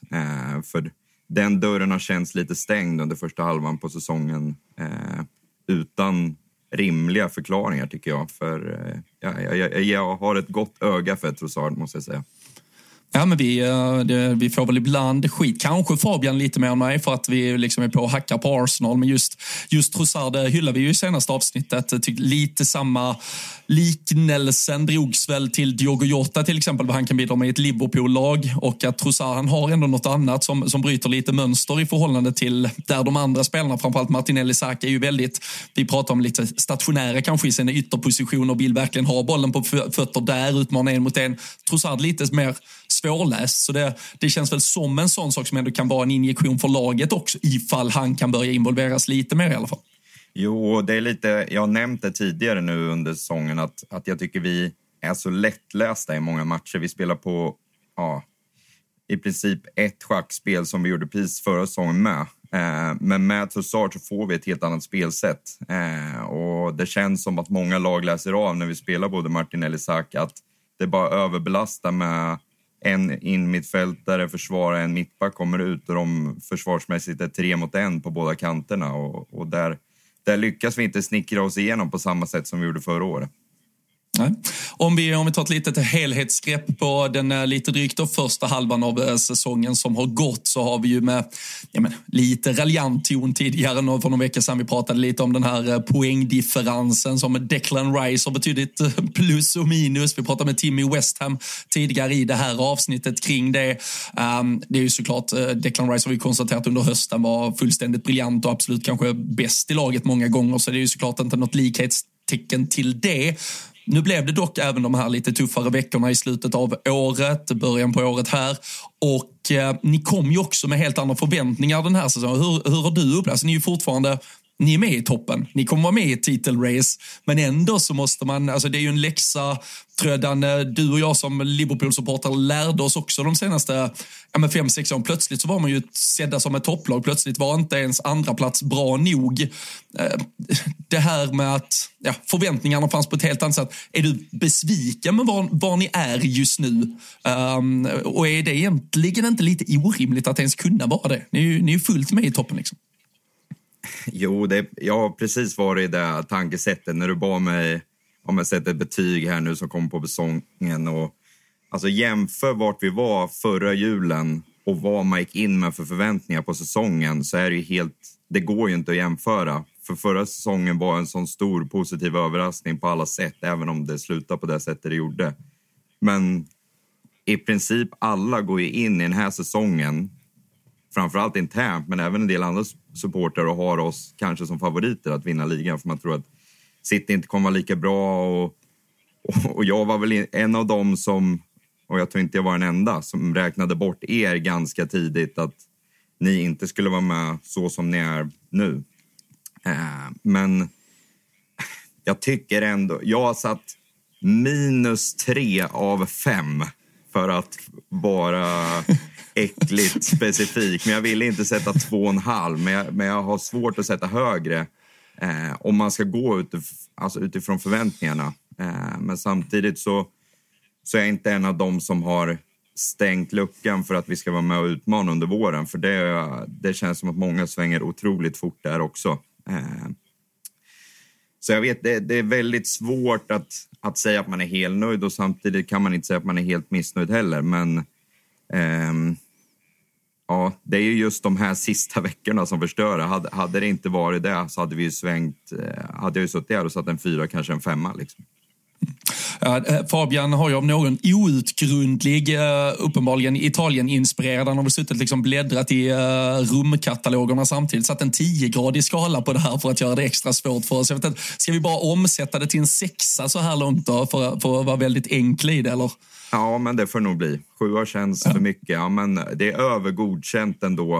Eh, vi har ju inte heller... Alltså det är ju så många lag som, som dras av skador. Vi har väldigt fåtal skador. Samtidigt så, så tror jag kanske att det hade varit en annan säsong om vi hade spelat ett mittfält som jag vill se med Party, Ödegård, Rice. Eh, det kanske vi får här inom någon vecka. Eh, men men de få delarna när man jämför med hur många andra lag, framförallt i toppen som vi slåss med, har nyckelspelare borta. Så vi har inte det att skylla på, så därför eh, tycker jag det drar ner det, det stora betyget. Mm. Utan eh, den att eh, avslöja vad, vad, du kommer att tänka kring eh, Liverpools säsong om man ska sätta någon form av siffra på den sen. Um, ehm, jag, jag känner lite då som Liverpool-supporter att Liverpool-Arsenal ses väl ungefär ha ganska liknande utgångslägen inför våren. Tittar man helt krasst objektivt kanske Liverpool egentligen på pappret har en bättre trupp än Arsenal. Det får väl de lärde tvista om. Men det känns ju mycket som att de här betygssättningarna sker utifrån vart man var förra säsongen. Liverpool som då har studsat tillbaka rejält. Medan egentligen grundförutsättningen för att Liverpool skulle kunna vara bättre än Arsenal är väl egentligen inte helt orimliga tänka en tanke kring inför säsongen. Nej, men verkligen. Alltså, jag skulle väl säga att ett, eh, alltså på samma sätt som du är inne delvis på så har ju jag baserat det betyg jag senare ska komma fram till på eh, ja, men, alltså dels på förväntningarna till eh, 90 procent skulle jag säga. Det är väl det man det man sätter sin grund i på något sätt i och med att det är det man får jämföra med vad man trodde att vi skulle vara någonstans här när, när liksom januari börjar gå mot sitt slut och sen också till viss del tycker jag när man jämför med andra såklart. För jag menar, vi sitter ju i en tabellposition nu som, som är svår att, att klaga på eller säga något om. Men hade City till exempel varit än hetare eller hade ett Arsenal gått eh, än bättre så är det klart att då hade man eh, även med, med tanke på det kanske utgått ifrån eh, någon liten siffra. Får vi ju tacka Jalkemo för att han gav oss extra utrymme här med, med 10-gradigt istället för 5-gradigt. Men det, det, är väl framförallt tycker jag förväntningarna inför säsongen och där eh, tycker jag verkligen att det skiljer. Om man nu håller sig till Arsenal så, så skiljer ju sig kanske vad, vad många, både Arsenal-fans men även eh, objektiva Premier League-supportrar trodde att Arsenal skulle vara någonstans kontra vart vi skulle vara någonstans. Eh, så, så där tror jag att man har Alltså det, vi, vi, har relativt lika säsonger men väldigt olika ingångslägen och eh, därför sitter man väl på, på lite olika stolar just nu med. Det var ju bara en viss eh, tyckare, minns inte vad han hette nu, som i det här poddsammanhanget eh, tippade Liverpool att vinna Premier League den här säsongen. Men äh, här sitter man, här sitter man. Rätt halvvägs i alla fall. Kär, det var njuta. Ja, du, du, du låter nästan som Tottenham, liksom, man ska dela ut troféer halvvägs in. Du noterar väl Top of the League-tröjan som har släppts i Liverpool-kollektionen? Jo då. Eh, och Tottenham-kopplingen till det var väl inte Jalkemo sen att dra heller. Nej, där, eh, där, eh, han, har, han, han för, han för eh, mång, många små krig där ute. Han, han, han gick ut och försvarade sig nu i veckan att Arsenal inte ens är topp tre klubbar han hatar. Då var jag så här, vilka kan han, vad, vad har han mer emot? Alltså United är ju given etta, han hatar ju sin egen klubb mest av allt. Det vet vi ju. Liverpool kanske tvåa, men jag är spänd på vilken som kan vara hans tredje klubb. Uh, något att nysta i för kommande avsnitt i alla fall. Och sen flydde han till Italien. Det, det kan ligga exakt. något i det. exakt, exakt. Men du Pierre, lite, lite rappt här då. Höstens, om du får välja något som du tycker positivt har stuckit ut, höstens positiva överraskning och något som kanske åter då negativa har stuckit ut. Plocka något högt, något lågt från den första halvan. Ehm, jag har valt att hålla det ganska högt. Eh, för jag tycker ändå att i det stora hela är det positivt att vi har fortsatt att rida på den här storhetsvågen. Att fortsätta leva som favoriter och fortsätta gå och vinna eh, många matcher. Eh, vi har pratat om de här sena avgörandena som känns som vi började med redan förra året. Att det känns som gruppen verkligen är ja, men, en en grupp som är sammanhållen och som alla vill verkligen att vi ska vinna någonting. Eh, men eh, ja, sen har jag även satt eh, Champions League-spelet som en positiv del med mm. att vi, vi städar av gruppen ganska bra förutom att ja, vi förlorar borta mot Lens och ett kryss mot PSV Eindhoven. Men vi vinner gruppen och det har vi historiskt sett blivit straffade i Champions League förut med att åka ut i åttondelen för vi har kommit tvåa och fått, fått Bayern 700 gånger. Liksom.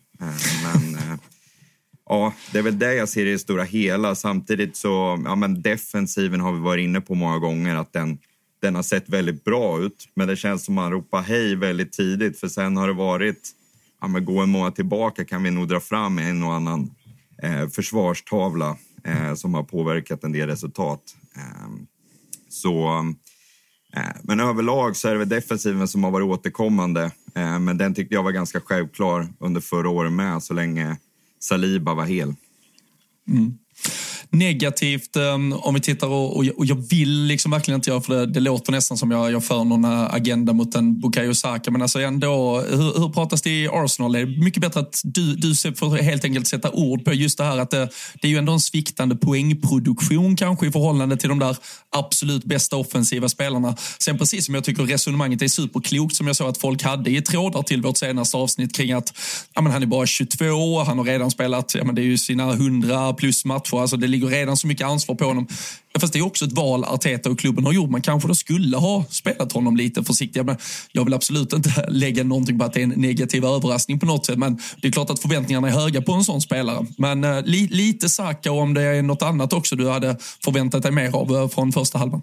Ja, jag har faktiskt inte med han på min lista här, men, men eh, jag vill också slå ner lite på det. Eh, och man hör det, men även tv-kommentatorer, studior här i Sverige, studior i England som, som slår ner mycket på honom.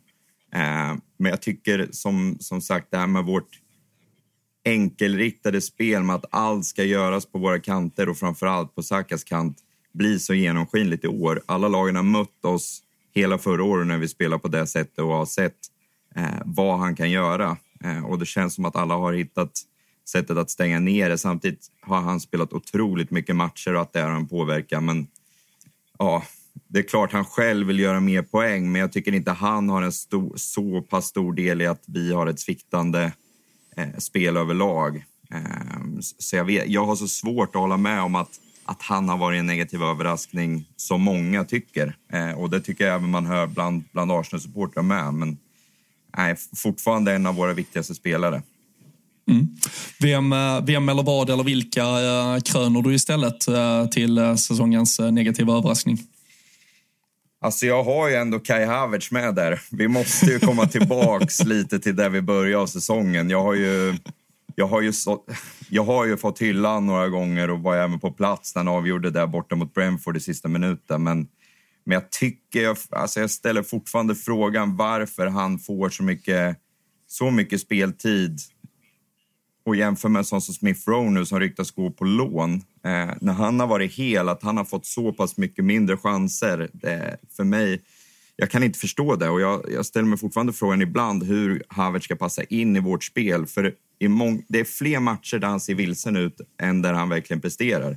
Eh, han hade väl två veckor här under hösten där jag tyckte nu är han en bra spelare. Men i resten så fattar jag inte vad han är för värvning. Eh, men ja, man måste väl lita på Arteta, men det känns verkligen som en, en sån här värvning som Wenger skulle kunna ha gjort under sina sista år. Han är så envis med att fortsätta spela någon som man ser, det här, det här funkar liksom inte.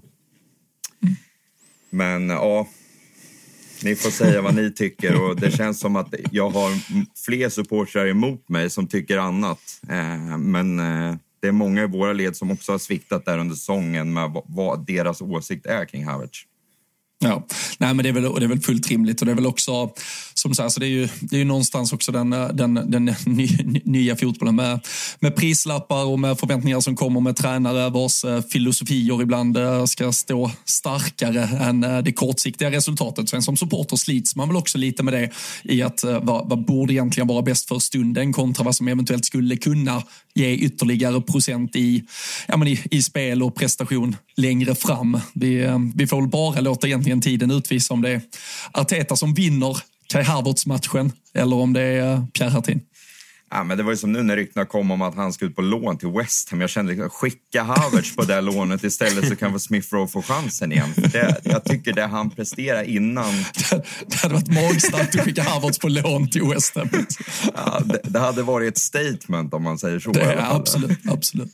Ja, fast ja. ni har ju gjort så för med Nicola Pepe och de här. Ni har gärna slängt en 80 miljoner pund på spelare och sen bara låtit dem tyna bort någonstans. Ja, Nej, och det är helt rätt i vissa sammanhang och just nu hade jag gärna velat se den. Men nej, jag ska inte vara så hård mot Havertz och jämföra med PP. Men, men jag har både Havertz och Smith Rowe speltid. Eh, mm. Men sen en stor del som, ja, det påverkar kanske inte vårt spel eller stora, men målvaktsfrågan känns som det har påverkat laget eh, väldigt stort. Eh, inför säsongen så ställde ni frågan till mig att ja, men, är den här värvningen verkligen bra? Och jag tänkte då inte på Artetas sätt att vi ska hålla på och göra målvaktsbyten under en match. Men jag tycker fortfarande att man ska kunna rotera och att man ska känna att tvåan är, är fullskaligt bra. Eh, vi har haft en del halvdana eh, andra målvakter och en del väldigt bra. Eh, när Martinez var andra målvakt så är det klart man aldrig var rädd att... Eh, eh, vad hade vi då? Leno eller vi hade...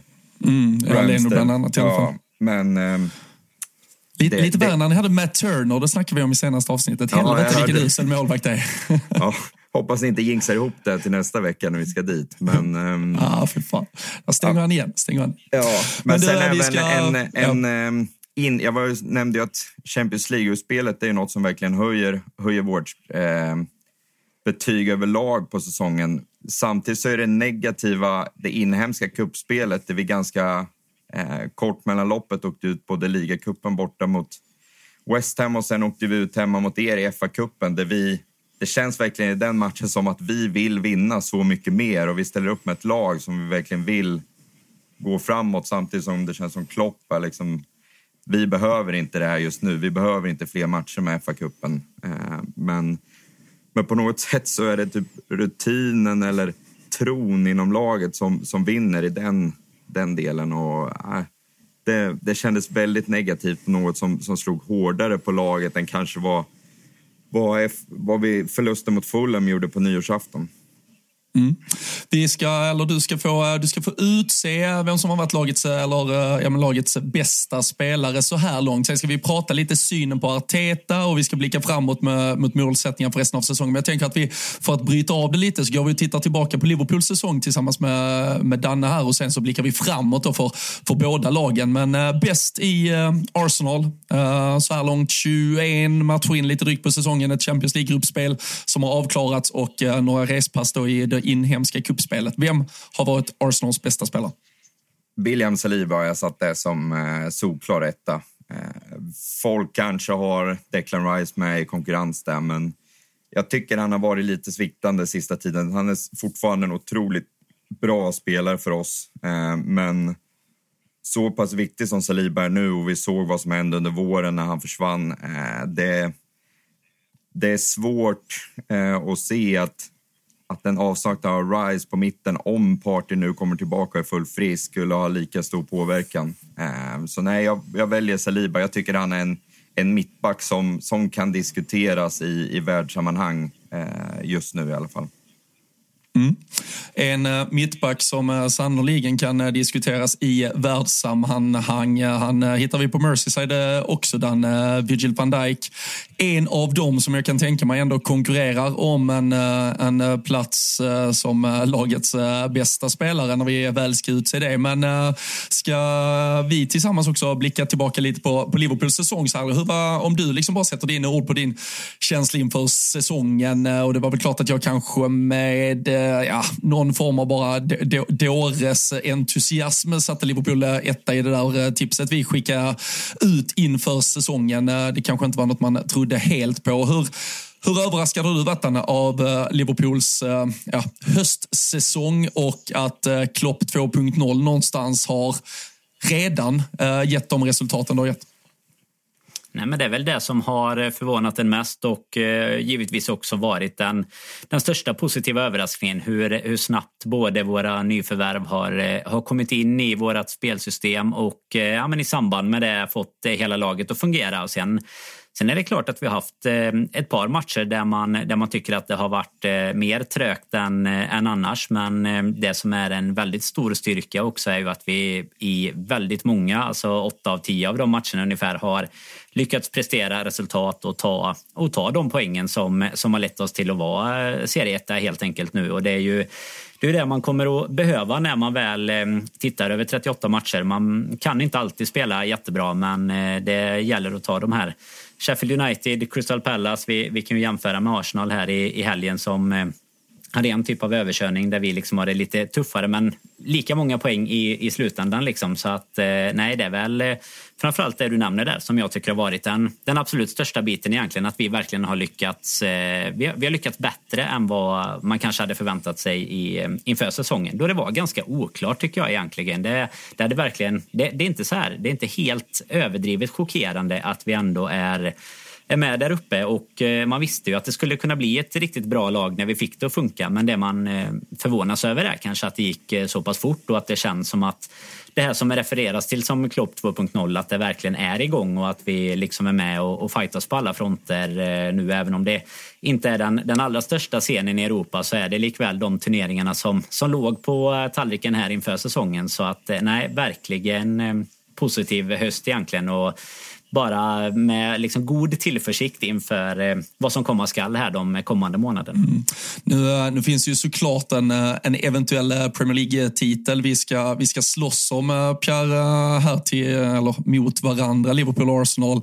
Men det, det finns ju också ett om än kanske inte supertroligt scenario, men det finns ett scenario där Liverpool går obesegrade i mål härifrån. 17 matcher utan förlust då kommer enda stoppet, hindret mot att vi också blir invincibles, som ni blev, vara den segern Tottenham löser på rent fusk. Hur mycket kommer du ändå börja älska Tottenham över det faktumet att de löste den segern? Jag börjar fundera på hur de själva ser det. Eh, om de ser det som en match de då önskar att de torskade. Eh, men... Just det, det blir ju lite, eh, absolut, det blir lite svårt för dem. De, de fuskar sig till en seger som liksom sätter kvar Arsenal i historieböckerna. Men det är frågan om de kan claima någon trofé av det. det ja, vi får skicka den frågan till Ryn och se. Johan Ryn Trophy. Um. den vinner Pierre-Emil Höjbjerg vecka in och vecka ut. Nej, fy fan. Men, äh, men det, jag, jag kan väl bara hålla med där och jag tycker ju att det är ju, det är ju häftigt. Det är ju, liksom, det är ju lite eh, typ årsdagstider på de där eh, största nederlagen eller tyngsta nederlagen där som var. Eh, som sagt för exakt ett år sedan. Det var, det var Brighton borta, det var Brentford borta, det var Wolves borta. Det var 3-0 hit och 3-0 dit i stort sett och vi blev utspelade var och varannan vecka kändes det som. Och det var presskonferenser som man nu då kan klippa ihop och det blir ju jävligt häftiga någonstans i alla fall för Liverpool-supportrarna, att, att se resan där Klopp ändå sitter efter de här presskonferenserna och där och då så tyckte väl vi alla att fan liksom, alltså var lite mer någonstans förbannad, uppgiven, jag vet inte, men han satt ju ändå bara hade en jävla tro på att han skulle lösa det här. Och ett år senare så står vi som etta i Premier League-tabellen. Eh, det, är ju klart, alltså, är detta detta eh, typ det bästa egentligen Klopp har lyckats åstadkomma. Att han, att han tog ett lag, en grupp som han ändå byggde under tre, fyra års tid till att bli bäst i Europa. Är det nästan en större bedrift att han har lyckats få ett lag som ser ut att inte kunna besegra Wolves om det så hängde liv på spel för ett år sedan till att nu då med tre, fyra, fem nya spelare slängt upp akademispelare i den där truppen så har han tagit ett Liverpool-lag upp till den absoluta toppen istället. Vi ska ju absolut inte underskatta vad han, han gjorde med den där första truppen mot, eh, mot Spurs heller där 2015. Så att vi får väl, vi får väl säga att det är jämnt skägg då mellan prestationerna för eh, vad han gjorde med Adam Lallana till exempel och, och sådär och eh, med sin eh, gegenpress och alltihopa. Det, det var ju något eh, enormt såklart men att eh, det, det, visar ju på väldigt mycket storhet att kunna återupprepa den typen av eh, ja, men av liksom systemskifte beroende på vilka spelare du har. Du har, du har även sett det i hans andra klubbar så det är inte heller något som är helt nytt eh, i Liverpool även om det på eh, på ytterligare en, ett steg i scenen kanske, även om han givetvis var, var långt eh, med Dortmund både i Bundesliga och Champions League. Men just att eh, du gör det med en, en klubb av den digniteten. Sen tycker jag väl att det som är det stora inför och under den här säsongen är väl eh, den här snabba rokaden, ombyggnaden av mittfältet. Och där, där har ju han och resterande stab verkligen lyckats eh, till, till 100 procent egentligen. Alltså vi, eh, vi har ju själva i alla Liverpool-led suttit och, och skrikit efter en sexa både inför säsongen och man var väldigt osäker på hur det skulle bli. Sen har ju McAllister växt in i den rollen. Vi har kunnat eh, alltså, vi jobbat med Trent som inverterad. Vi har spelat på lite olika sätt. Men att man får det att funka så pass fort, det är ju som, eh, som du är inne på där. Det visar ju det visar ju väldigt mycket hur, eh, hur duktig man är egentligen, hur fort du kan göra det, hur du kan bli av med så pass tongivande spelare också. Och vi hade ju verkligen ett... Eh, alltså det var ju ett generationsskifte som vi framför oss såg det som att vi verkligen behövde göra eh, till, eh, till ganska stora delar. Men som, eh, som man ju har konstaterat så här i efterhand, Klopp och allihopa har gjort lite under tiden. Det har liksom kommit lite nya spelare hela tiden, även fast det inte har känts så. Och sen var mittfältet den här stora pusselbiten där vi verkligen gjorde en, en totalrokad nu inför säsongen. Och sen tycker jag att vi även Alltså en, en del i det hela är också, till exempel du nämnde van Dijk här när vi pratade om Saliba, alltså på nyttfödelsen liksom där vi, där vi prickar en toppform på honom igen som man som man väl var lite osäker på om den faktiskt fanns kvar efter eh, både skador och, och liksom eh, att det inte såg riktigt så bra ut. Och jag menar en konstant i en Mohamed Salah som bara fortsätter att leverera och sen då kunna göra det tillsammans med, med alla de här nya, det är ju eh, nej, men det är ett jätte, jättehögt betyg såklart och samtidigt tycker jag väl att man får eh, verkligen hylla tränargärningen där. För jag tycker även att vi ska lägga in att han har eh, något, någonting som vi också har klagat på under många år med Klopp är ju egentligen hans matchcoachning och där tycker jag att han har börjat pricka mycket bättre den här säsongen och det det är väl egentligen facit på varför vi har eh, extremt mycket mer mål i andra halvlek och varför ja, vi har mycket sena, ja, men sena avgöranden även, även vi den här säsongen. Ja, och det var ju brutala siffror som, eh, som jag såg sammanställdes under veckan här såklart. Eh, liksom extra boostade av att det var, det var 0-0 i paus mot Bournemouth och sen 4-0 när vi väl summerade. Men Liverpool har väl plus 41 i målskillnad för andra halvlekar, plus 8 på första halvlekar under mm. säsongen. Så det visar ju inte bara att, ja, men dels då som du säger, att, att matchplansförändringar, byten ger effekt, men kanske också att man har hittat ett sätt att ja, men, jag ska inte säga lida sig till saker och ting, men att man i alla fall alltid står pall genom de där första halvlek där vi, vi ofta för, och det var ju mindre än ett år sedan, det var ju räcker att gå tillbaka ett halvår ungefär, där vi ofta låg under med, med, med 1-0 till höger och vänster och det var väldigt mycket uppförsbacke. Nu kanske vi i alla fall håller det där 0-0 resultatet länge, tröttar ut motstånd och sen så sticker vi den berömda kniven i dem när de har fått lite tro på att de kan börja flytta fram ett par meter och så kommer, kommer vi istället i, ja, men i, i vårt omställningsspel eller att vi med eh, snabba eh, bollåtererövringar kan, eh, kan sätta fart på det. Så det, det, det är ju såklart imponerande så här långt. Eh, jag tänker att det finns ju en kategori spelare med, med Salah, van Dijk, Trent med flera kanske som slåss om titeln bästa spelare. Men om du bara får välja en eller två spelare du tycker har stuckit ut som positiva överraskningar, lite kort och eh, sen också om det är någon spelare du har varit eh, lite ja, men negativt överraskad och där du hade förväntat dig mer den här säsongen eh, kan vi väl eh, ta här också. Ja men absolut, vi kan, väl, eh, vi kan väl börja med det tråkiga och ta den negativa och det är väl eh, eller den, man, den man hade hoppats mycket på skulle komma tillbaka efter sina skadebekymmer och sådär. Det är ju en Luis Diaz. Sen har det ju hänt annat för honom som också såklart kan ha satt sina mentala spår men jag tycker väl att det är han som som Klopp också har satt väldigt stor tilltro till där ute på vänsterkanten och som verkligen inte har fått, eh, fått till det hittills den här säsongen. Men där man ju hoppas att eh, nu under 2024 med ja, en lite skönare start i alla fall hoppas att eh, han ska kunna hitta tillbaka egentligen till den spelaren han var innan sin skada. Och ska man gå på, på positiva hållet så den man verkligen får lyfta tycker jag är ju en Dominic Soboslaj, alltså hur han, eh, hur han kommer in och är eh, ja, men egentligen helt jättedominant dominant i starten i alla fall får man väl säga av eh, hösten även om han precis innan att han också skadade sig här har, eh, har kanske fallit tillbaka något. Om det beror på eh, precis hur vi spelar eller om det beror på att han satte en lite, lite väl hög högsta nivå och förväntan på sig själv. Det, det låter jag vara osagt, men det är väl en spelare som som är den som ändå lyckades förvåna en väldigt mycket. Sen är det väl egentligen det här att de, som du är inne på, alltså de spelarna som vi vet har enormt mycket fotboll i sig, att de kommer upp på en högsta nivå tillsammans igen. Det är väl det som kanske är den eh, den viktigaste delen. Men, men Soboslaj skulle jag säga är den största överraskningen i alla fall. Mm, ja, alltså så här, jag överraskar... Alltså, han kom ju trots allt med ett uh, renommé och ett, eh, uh, jag menar, en, en prislapp som någonstans också uh, föranleder lite prestationskrav och uh, det kändes ju ändå tröja nummer åtta rakt in på det där mittfältet. Han skulle, det är klart att han tog oss alla med storm de där första höstveckorna när han klev in i laget, men som du säger, sen har han ju mattats av lite och jag vet inte, över, det jag kanske har blivit mest överraskad av egentligen är ju hur hur jävla bra det faktiskt har funkat med nästan alla truppspelare som kastats in i sammanhanget. En Jarell Kwanza ung, oprövad, gör det fantastiskt när han får spela. Connor Bradley, det senaste exemplet. Joe Gomez, fullständigt jävla briljant som helst. Alltså först gick vi från mm. Robertson till Simikas. Det funkade utan problem. Vi går från Simikas till Joe Gomez. Funkar fan nästan ännu bättre. Endo, som man absolut inte visste någonting av, kanske ändå lyfte det största frågetecknet kring initialt. Också fantastiskt bra. Så det, jag, är väl så här, jag, jag köper det som du är inne på, att de bra spelarna har varit riktigt bra och det är jätteviktigt. Men jag tror det som skapar fallhöjden eller som, som säkerställer att vi inte behöver vara rädda för någon djup fallhöjd så att säga. Det är ju snarare att även spelare fan 15, 16, 17, 18 har varit så jävla bra när de kommit in. Det har nog ändå överraskat mig mest av allt i detta. Det tyckte jag med. Ja, men här försöker du även, jag tänkte bara säga du försöker även smita här från, eh, från en Curtis Jones eh, som du gärna vill... Ja, exakt, Nej, men han ska verkligen med. Han ska verkligen med. Verkligen med. Verkligen med.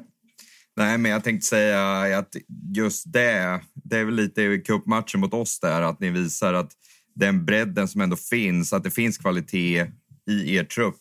Eh, och vill nästan hävda att ni har en större bredd, kvalitet än vad vi har just nu. Eh, för sätter ni även tar hand om ligacupen just nu och, och, spelar de lagen ni gör och även, även presterar där, det är inte många, eh, jag vet inte om något annat lag än City har det just nu. No, jag tycker det, det City har ju kanske det, det de har varit bäst i världen på de senaste åren och som liksom deras eh, ekonomiska möjligheter har, eller ekonomiska status har möjliggjort är ju just att kanske deras spelare 12, 13, 14, 15 har ju alltid varit, det har varit topp, topp, världsklass, världsklass. Gör de två, tre byten.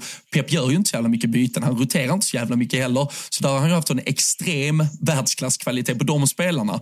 Det har jag tyckt att, det har kanske Liverpool saknat, det har Arsenal saknat. Det Liverpool bör få nu är ju att i alla fall kanske alla spelare, 12 till 17, 18, 19 till och med, är så pass starka så de kan alltid snurras in oavsett vad som händer. Och det är ju, det är ju liksom den mer, den, den kanske lite ekonomiskt enklare truppstyrkan att bygga när du inte kan ha en, ja, nu har ju Julian Alvarez fått spela på grund av att Kevin De Bruyne och Haaland har varit skadade, men annars har ju han varit deras spelare 12 eller 13. Det är kanske inte klubbar som Liverpool och Arsenal har kunnat unna sig riktigt, så det är en annan typ av truppstyrka man har byggt. Ja, men det känns även som att det var en anledning till att många kanske räknar bort Liverpool före säsongen för man inte såg den här bredden. Eh, och jag, jag, vet inte varför folk, folk ser den hos oss riktigt, för jag tycker vi har en ganska given startelva, men det är väldigt få matcher där man känner att vi har en bänk som kan komma in och göra skillnad. Eh, och det är just, just det man har sett i mesta lag förut, som att du har en start 16. Att oavsett vilka av dem som startar så, så är du verkligen bäst i ligan.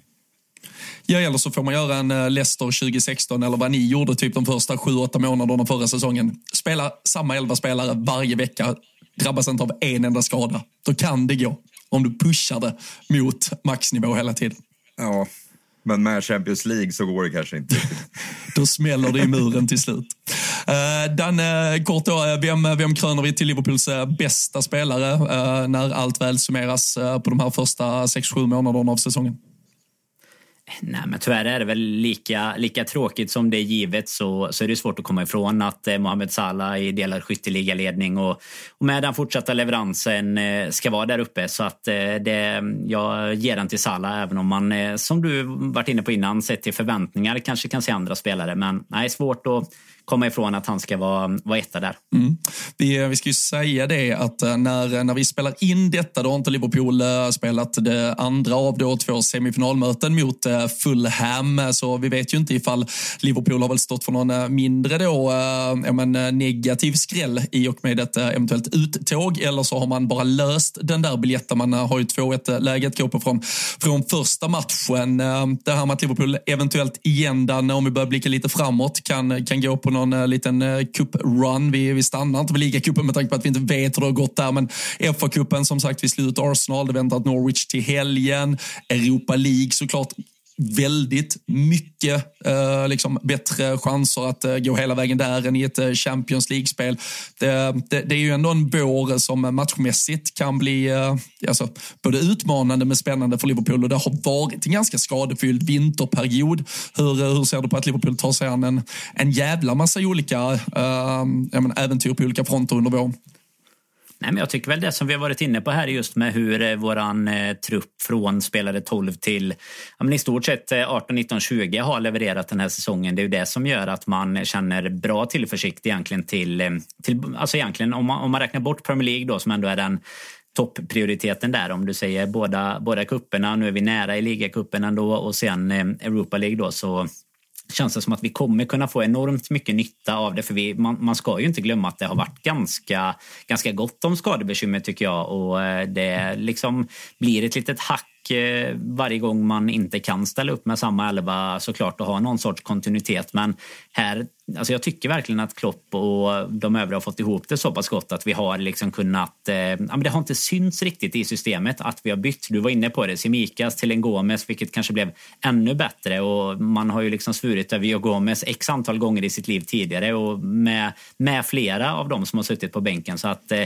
ändå, ändå liksom det, det känns bra inför våren att vi ändå är kvar i alla Även om det som Pia var inne på lite innan så tror jag att både, både Liverpool-fansen och Klopp kom till Emirates och kände att det hade inte varit någon katastrof att åka ur eh, FA-cupen eh, ur liksom, så, så, pass tidigt. Men det var ännu skönare att kunna smälla in ytterligare en spik i, i kistan istället.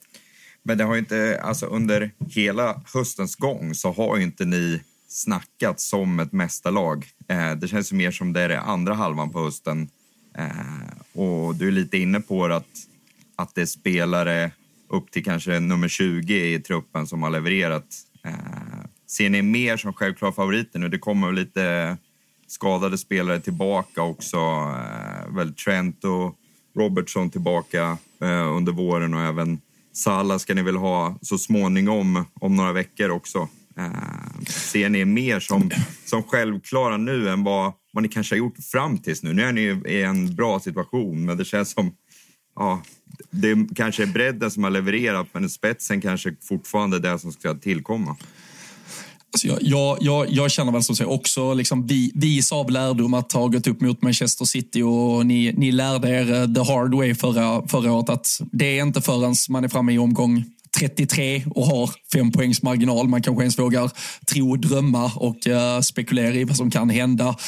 Går man i alla fall, alltså, ska man i alla fall vara lite mer supporterdrömmande så, så väntar ju en jävligt intressant uh, vecka här uh, om drygt en vecka för Liverpools del. När det, är, det är Chelsea hemma, det är Arsenal borta i ligaspelet. Um, Chelsea hemma kryddas ju dessutom av att det är Paul Tierney som dömer. Det, det lär man väl få, få återkomma till hur vi ska besegra den tolvmannamuren. Men alltså, efter, efter det, då, då ska vi börja prata. För då, då kommer, som du säger, då kommer Robertson vara tillbaka. Trent är tillbaka snart här också. Vi har Soboslaj på väg tillbaka.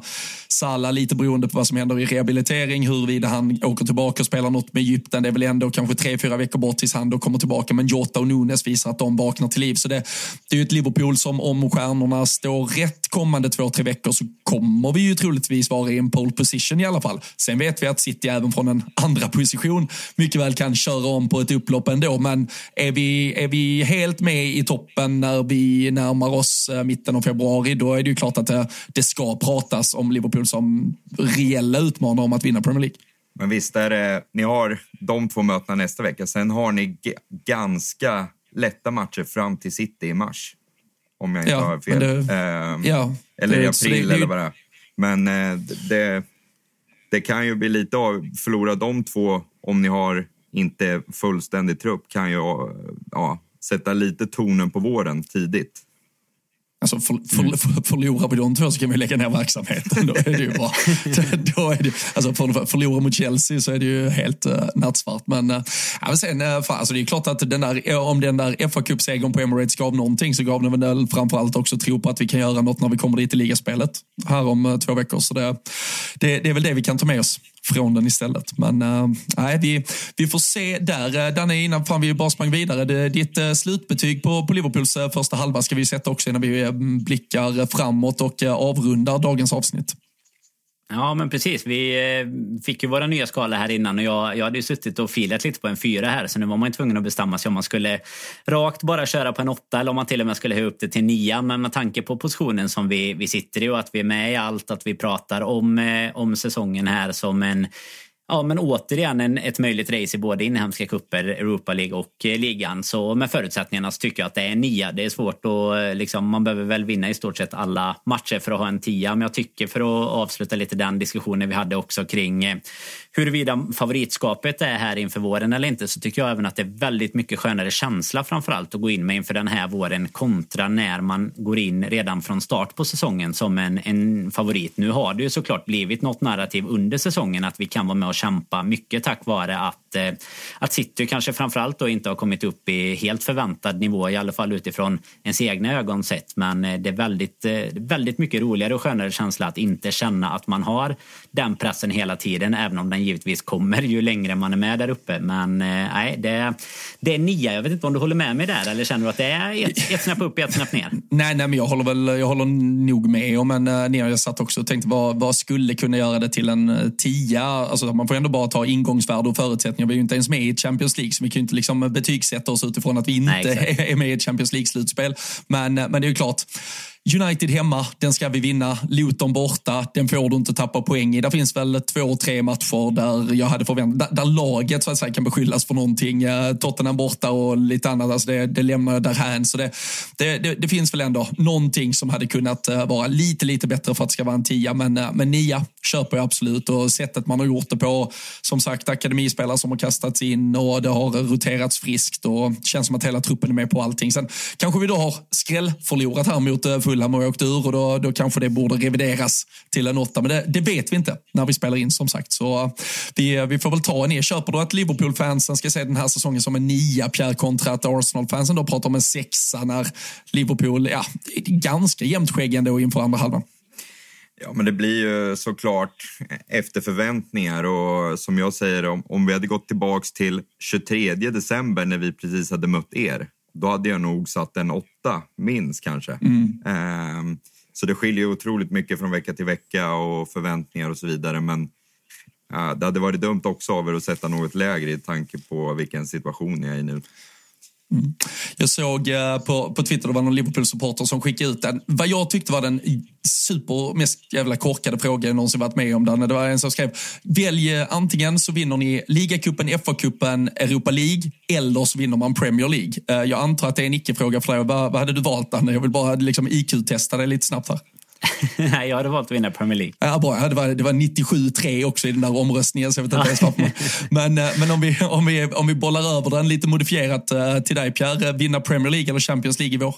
Champions League. Eh, vi har aldrig vunnit den, så det, för mig blir det ganska självklart. Eh, sen, sen vet jag inte om andra lag som har vunnit den eh, skulle säga något annat. Men, eh. alltså det är ganska tråkigt att vinna Champions League. Vi har gjort det sex gånger. Det är, alltså, det, är ingen, det är ingen big deal egentligen. Ja, det, är, det, är, lite tråkigt att finalen är på Wembley så man inte får åka till något mer exotiskt. Men eh, Ja. Du är ju en av dem som är för att sälja ut det till Riyadh. Liksom.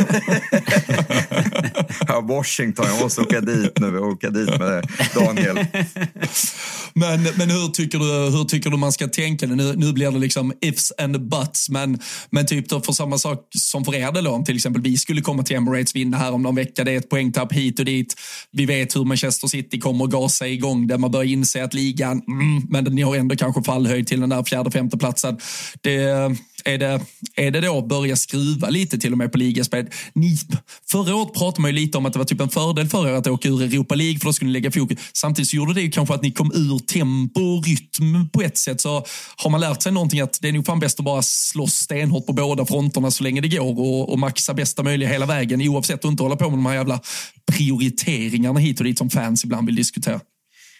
Jo, alltså jag håller verkligen med. Eh, sen var jag en av de som inte sa det muntligt förra säsongen när vi åkte ut mot Sporting. Men det är klart man tänkte att nu är det klart som fan vi tar hem ligan. Nu är det bara det vi har att gå för. För vi hade redan åkt ur eh, FA-cupen också. Eh, men eh, jag tror också på det, att det vinnande spåret eh, och hålla rytmen. Det är bara att kolla på er just nu hur ni går vinnande i både liga, ligacup, FA-cup. Eh, så jag tror också mer på det. Eh, sen så handlar det såklart om vad man har för trupp, men med tanke på att vi har haft peppa peppa tur med skador nu under hösten så, så ser jag gärna att vi, att vi går för allt, om man säger så. Eh, och nu har vi bara två fronter kvar att slåss på, så det, det är klart vi ska, ska gå för det. Eh, sen så ja, har jag otroligt svårt att folk... Eh, det är liksom bara ett år tillbaka när folk redan hade räknat hem att vi skulle gå vidare mot mot Sporting i Europa League eh, och det blir respass där på straffar. Eh, och nu står vi mot Porto i, i, i Champions League i en åttondel eh, och folk har redan räknat hem och kanske säger att ah, jag, jag skippar att åka till Porto för eh, vi, vi tar det sen i kvartsfinalen istället. Det liksom, ni sa exakt samma sak för ett år sedan. Det, Åk på allt, Danne Wijk, vi, Danne Wijk insisterar på att Porto borta, den åker man på. Vi gjorde Dragao tillsammans och vann med, vann med 5-0 och ja, hade port, 5-0, ja. portvinsprovningar och allting. Så det, fan, det är bara, vi, vi skickar eh, hela, hela listan på vad du ska hitta på där Pierre. Ja, jag fan, varit... Porto i februari är magiskt. Ja, jag har bara varit där under juni och sett Zlatan klacka in ett mål mot Italien. Men oh. då var jag minderårig så jag såg inte de här portvinnerna. Nej, det, det ska du få uppleva den här gången. Eh, alltså, vi, vi har ett segment som heter Synen på coachen. Mikael Arteta och Jürgen Klopp känns väl som tränarna som redan diskuteras och avhandlas mest både i denna podden och frekvent eh, överallt. Eh, vi pratar lite om Klopp 2.0. Danne, är det något du, du hoppas på från Artetas sida, Pierre? Att du, finns det något du tycker han kan förändra? Vi pratar målvaktssituationen, diskussionen kring det. Är, det. är det något du ändå vill säga han... Behöver han bevisa någonting under våren? Våren för att, för att man ändå ska vara helt tillfreds med eh, hans gärning?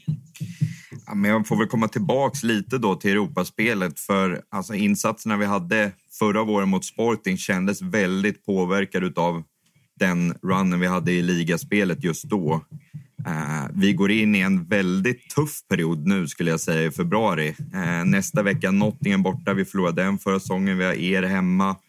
Um, sen har vi West Ham torsk senast. Vi har Burnley borta, inte jättelätt. Newcastle hemma. Eh, vi torskar borta. Så jag säger att det är en ganska tuff, tuff månad framåt och där i ska vi då alltså spela första bortamötet mot Porto. Så eh, hur han behandlar den här tiden tycker jag han måste, han måste ha lärt sig en läxa mot förra året och att vi gör det på ett annorlunda sätt. Eh, och då måste han nog använda truppen på ett annorlunda sätt. Eh, jag kritiserade tidigare under hösten att vi roterade för mycket i vissa lägen. Eh, men det jag tycker det mer handlar om att rotera på rätt sätt eh, och lite beroende på, på motstånd. Vi, vi var redan inne på frågan eh, Trossard eller Martinelli. Eh, och bara där tycker jag man borde kunna anpassa lite efter motstånd och vilka vi möter. Eh, och där kan, I andra delar av truppen också måste man kunna anpassa lite eh, beroende på om man ser att vi kommer föra matchen till större del eller något mindre. Eh, så anpassa hur vi ställer upp. Mm. Eh, Danne, avslutningsvis eh, på Liverpool då. Eh, Klopp, är, är det liksom bara det är klarblå himmel, en strålande tysk sol och en iskall Weissbier som står där och, och liksom väntar på honom var han än går, vad han än gör eller något, något du tycker att Klopp har, jag ska inte säga kvar och bevisa för det tror jag inte, men vad, vad vill du se från honom om säger, prestationsmässigt under våren? Nej, men jag tycker vi har varit inne på de bitarna här under avsnittets gång egentligen. Det gäller väl dels hans eh, matchcoachning, att den eh, redan har blivit bättre. Och sen dessutom eh, såklart då hans, ja, men hans snabba transformation av det här Klopp 2.0. Så nej, egentligen ingenting som... Det, fortsätta på det inslagna spåret är väl enkla receptet. Mm. Ska, han, ska han fortsätta spela Darwin Nunes eller borde han köpa Alexander Isak i januari? ja, det är, jag, jag, jag, kan tycka att Arvin kan få några chanser till nu efter eh, söndagen här, men det, det låg väl nära till hans annars. Ja, det låter bra det. Det, det, blev ett, eh, det blev ett väldigt långt, eh, härligt avsnitt. Vi, vi hoppas att det uppskattas. Vi twistade till segmentet här och växelkörde Liverpool-Arsenal, men fan förbannat trevligt. Den här jävla fronttrion kan vi ju använda flera gånger när Jalken är på något suspekt Serie B-lån så, så kliver vi fram och eh, tar hand om offensiven. Eh, ni, eh, ni där hemma, supportrarna till West Ham, Newcastle, Liverpool, Arsenal, ger in i kommentarerna och tyck till och tänk till kring laget. Var vi, var vi rätt på det kring saker och ting här eller något ni vill föra till protokollet? Eh, kommer dessutom eh, ny trippel här inför helgen från ATG. ATG.se slash tutto hittar man alla spel som vi rekar in för helgen. 18 år, stödlinjen.se gäller om man ska vara med där. Men eh, på Rule Britannia Podcast på Instagram så, så får man allting serverat. På Twitter vet ni var ni hittar oss också. Så häng med på allt kul vi gör. Tack för att ni har varit med och lyssnat idag. När vi hörs igen, då är Fabian tillbaka och eh, så får vi se vad han har med sig för kanske italienska spaningar. Men har det gått så länge så hörs vi snart igen.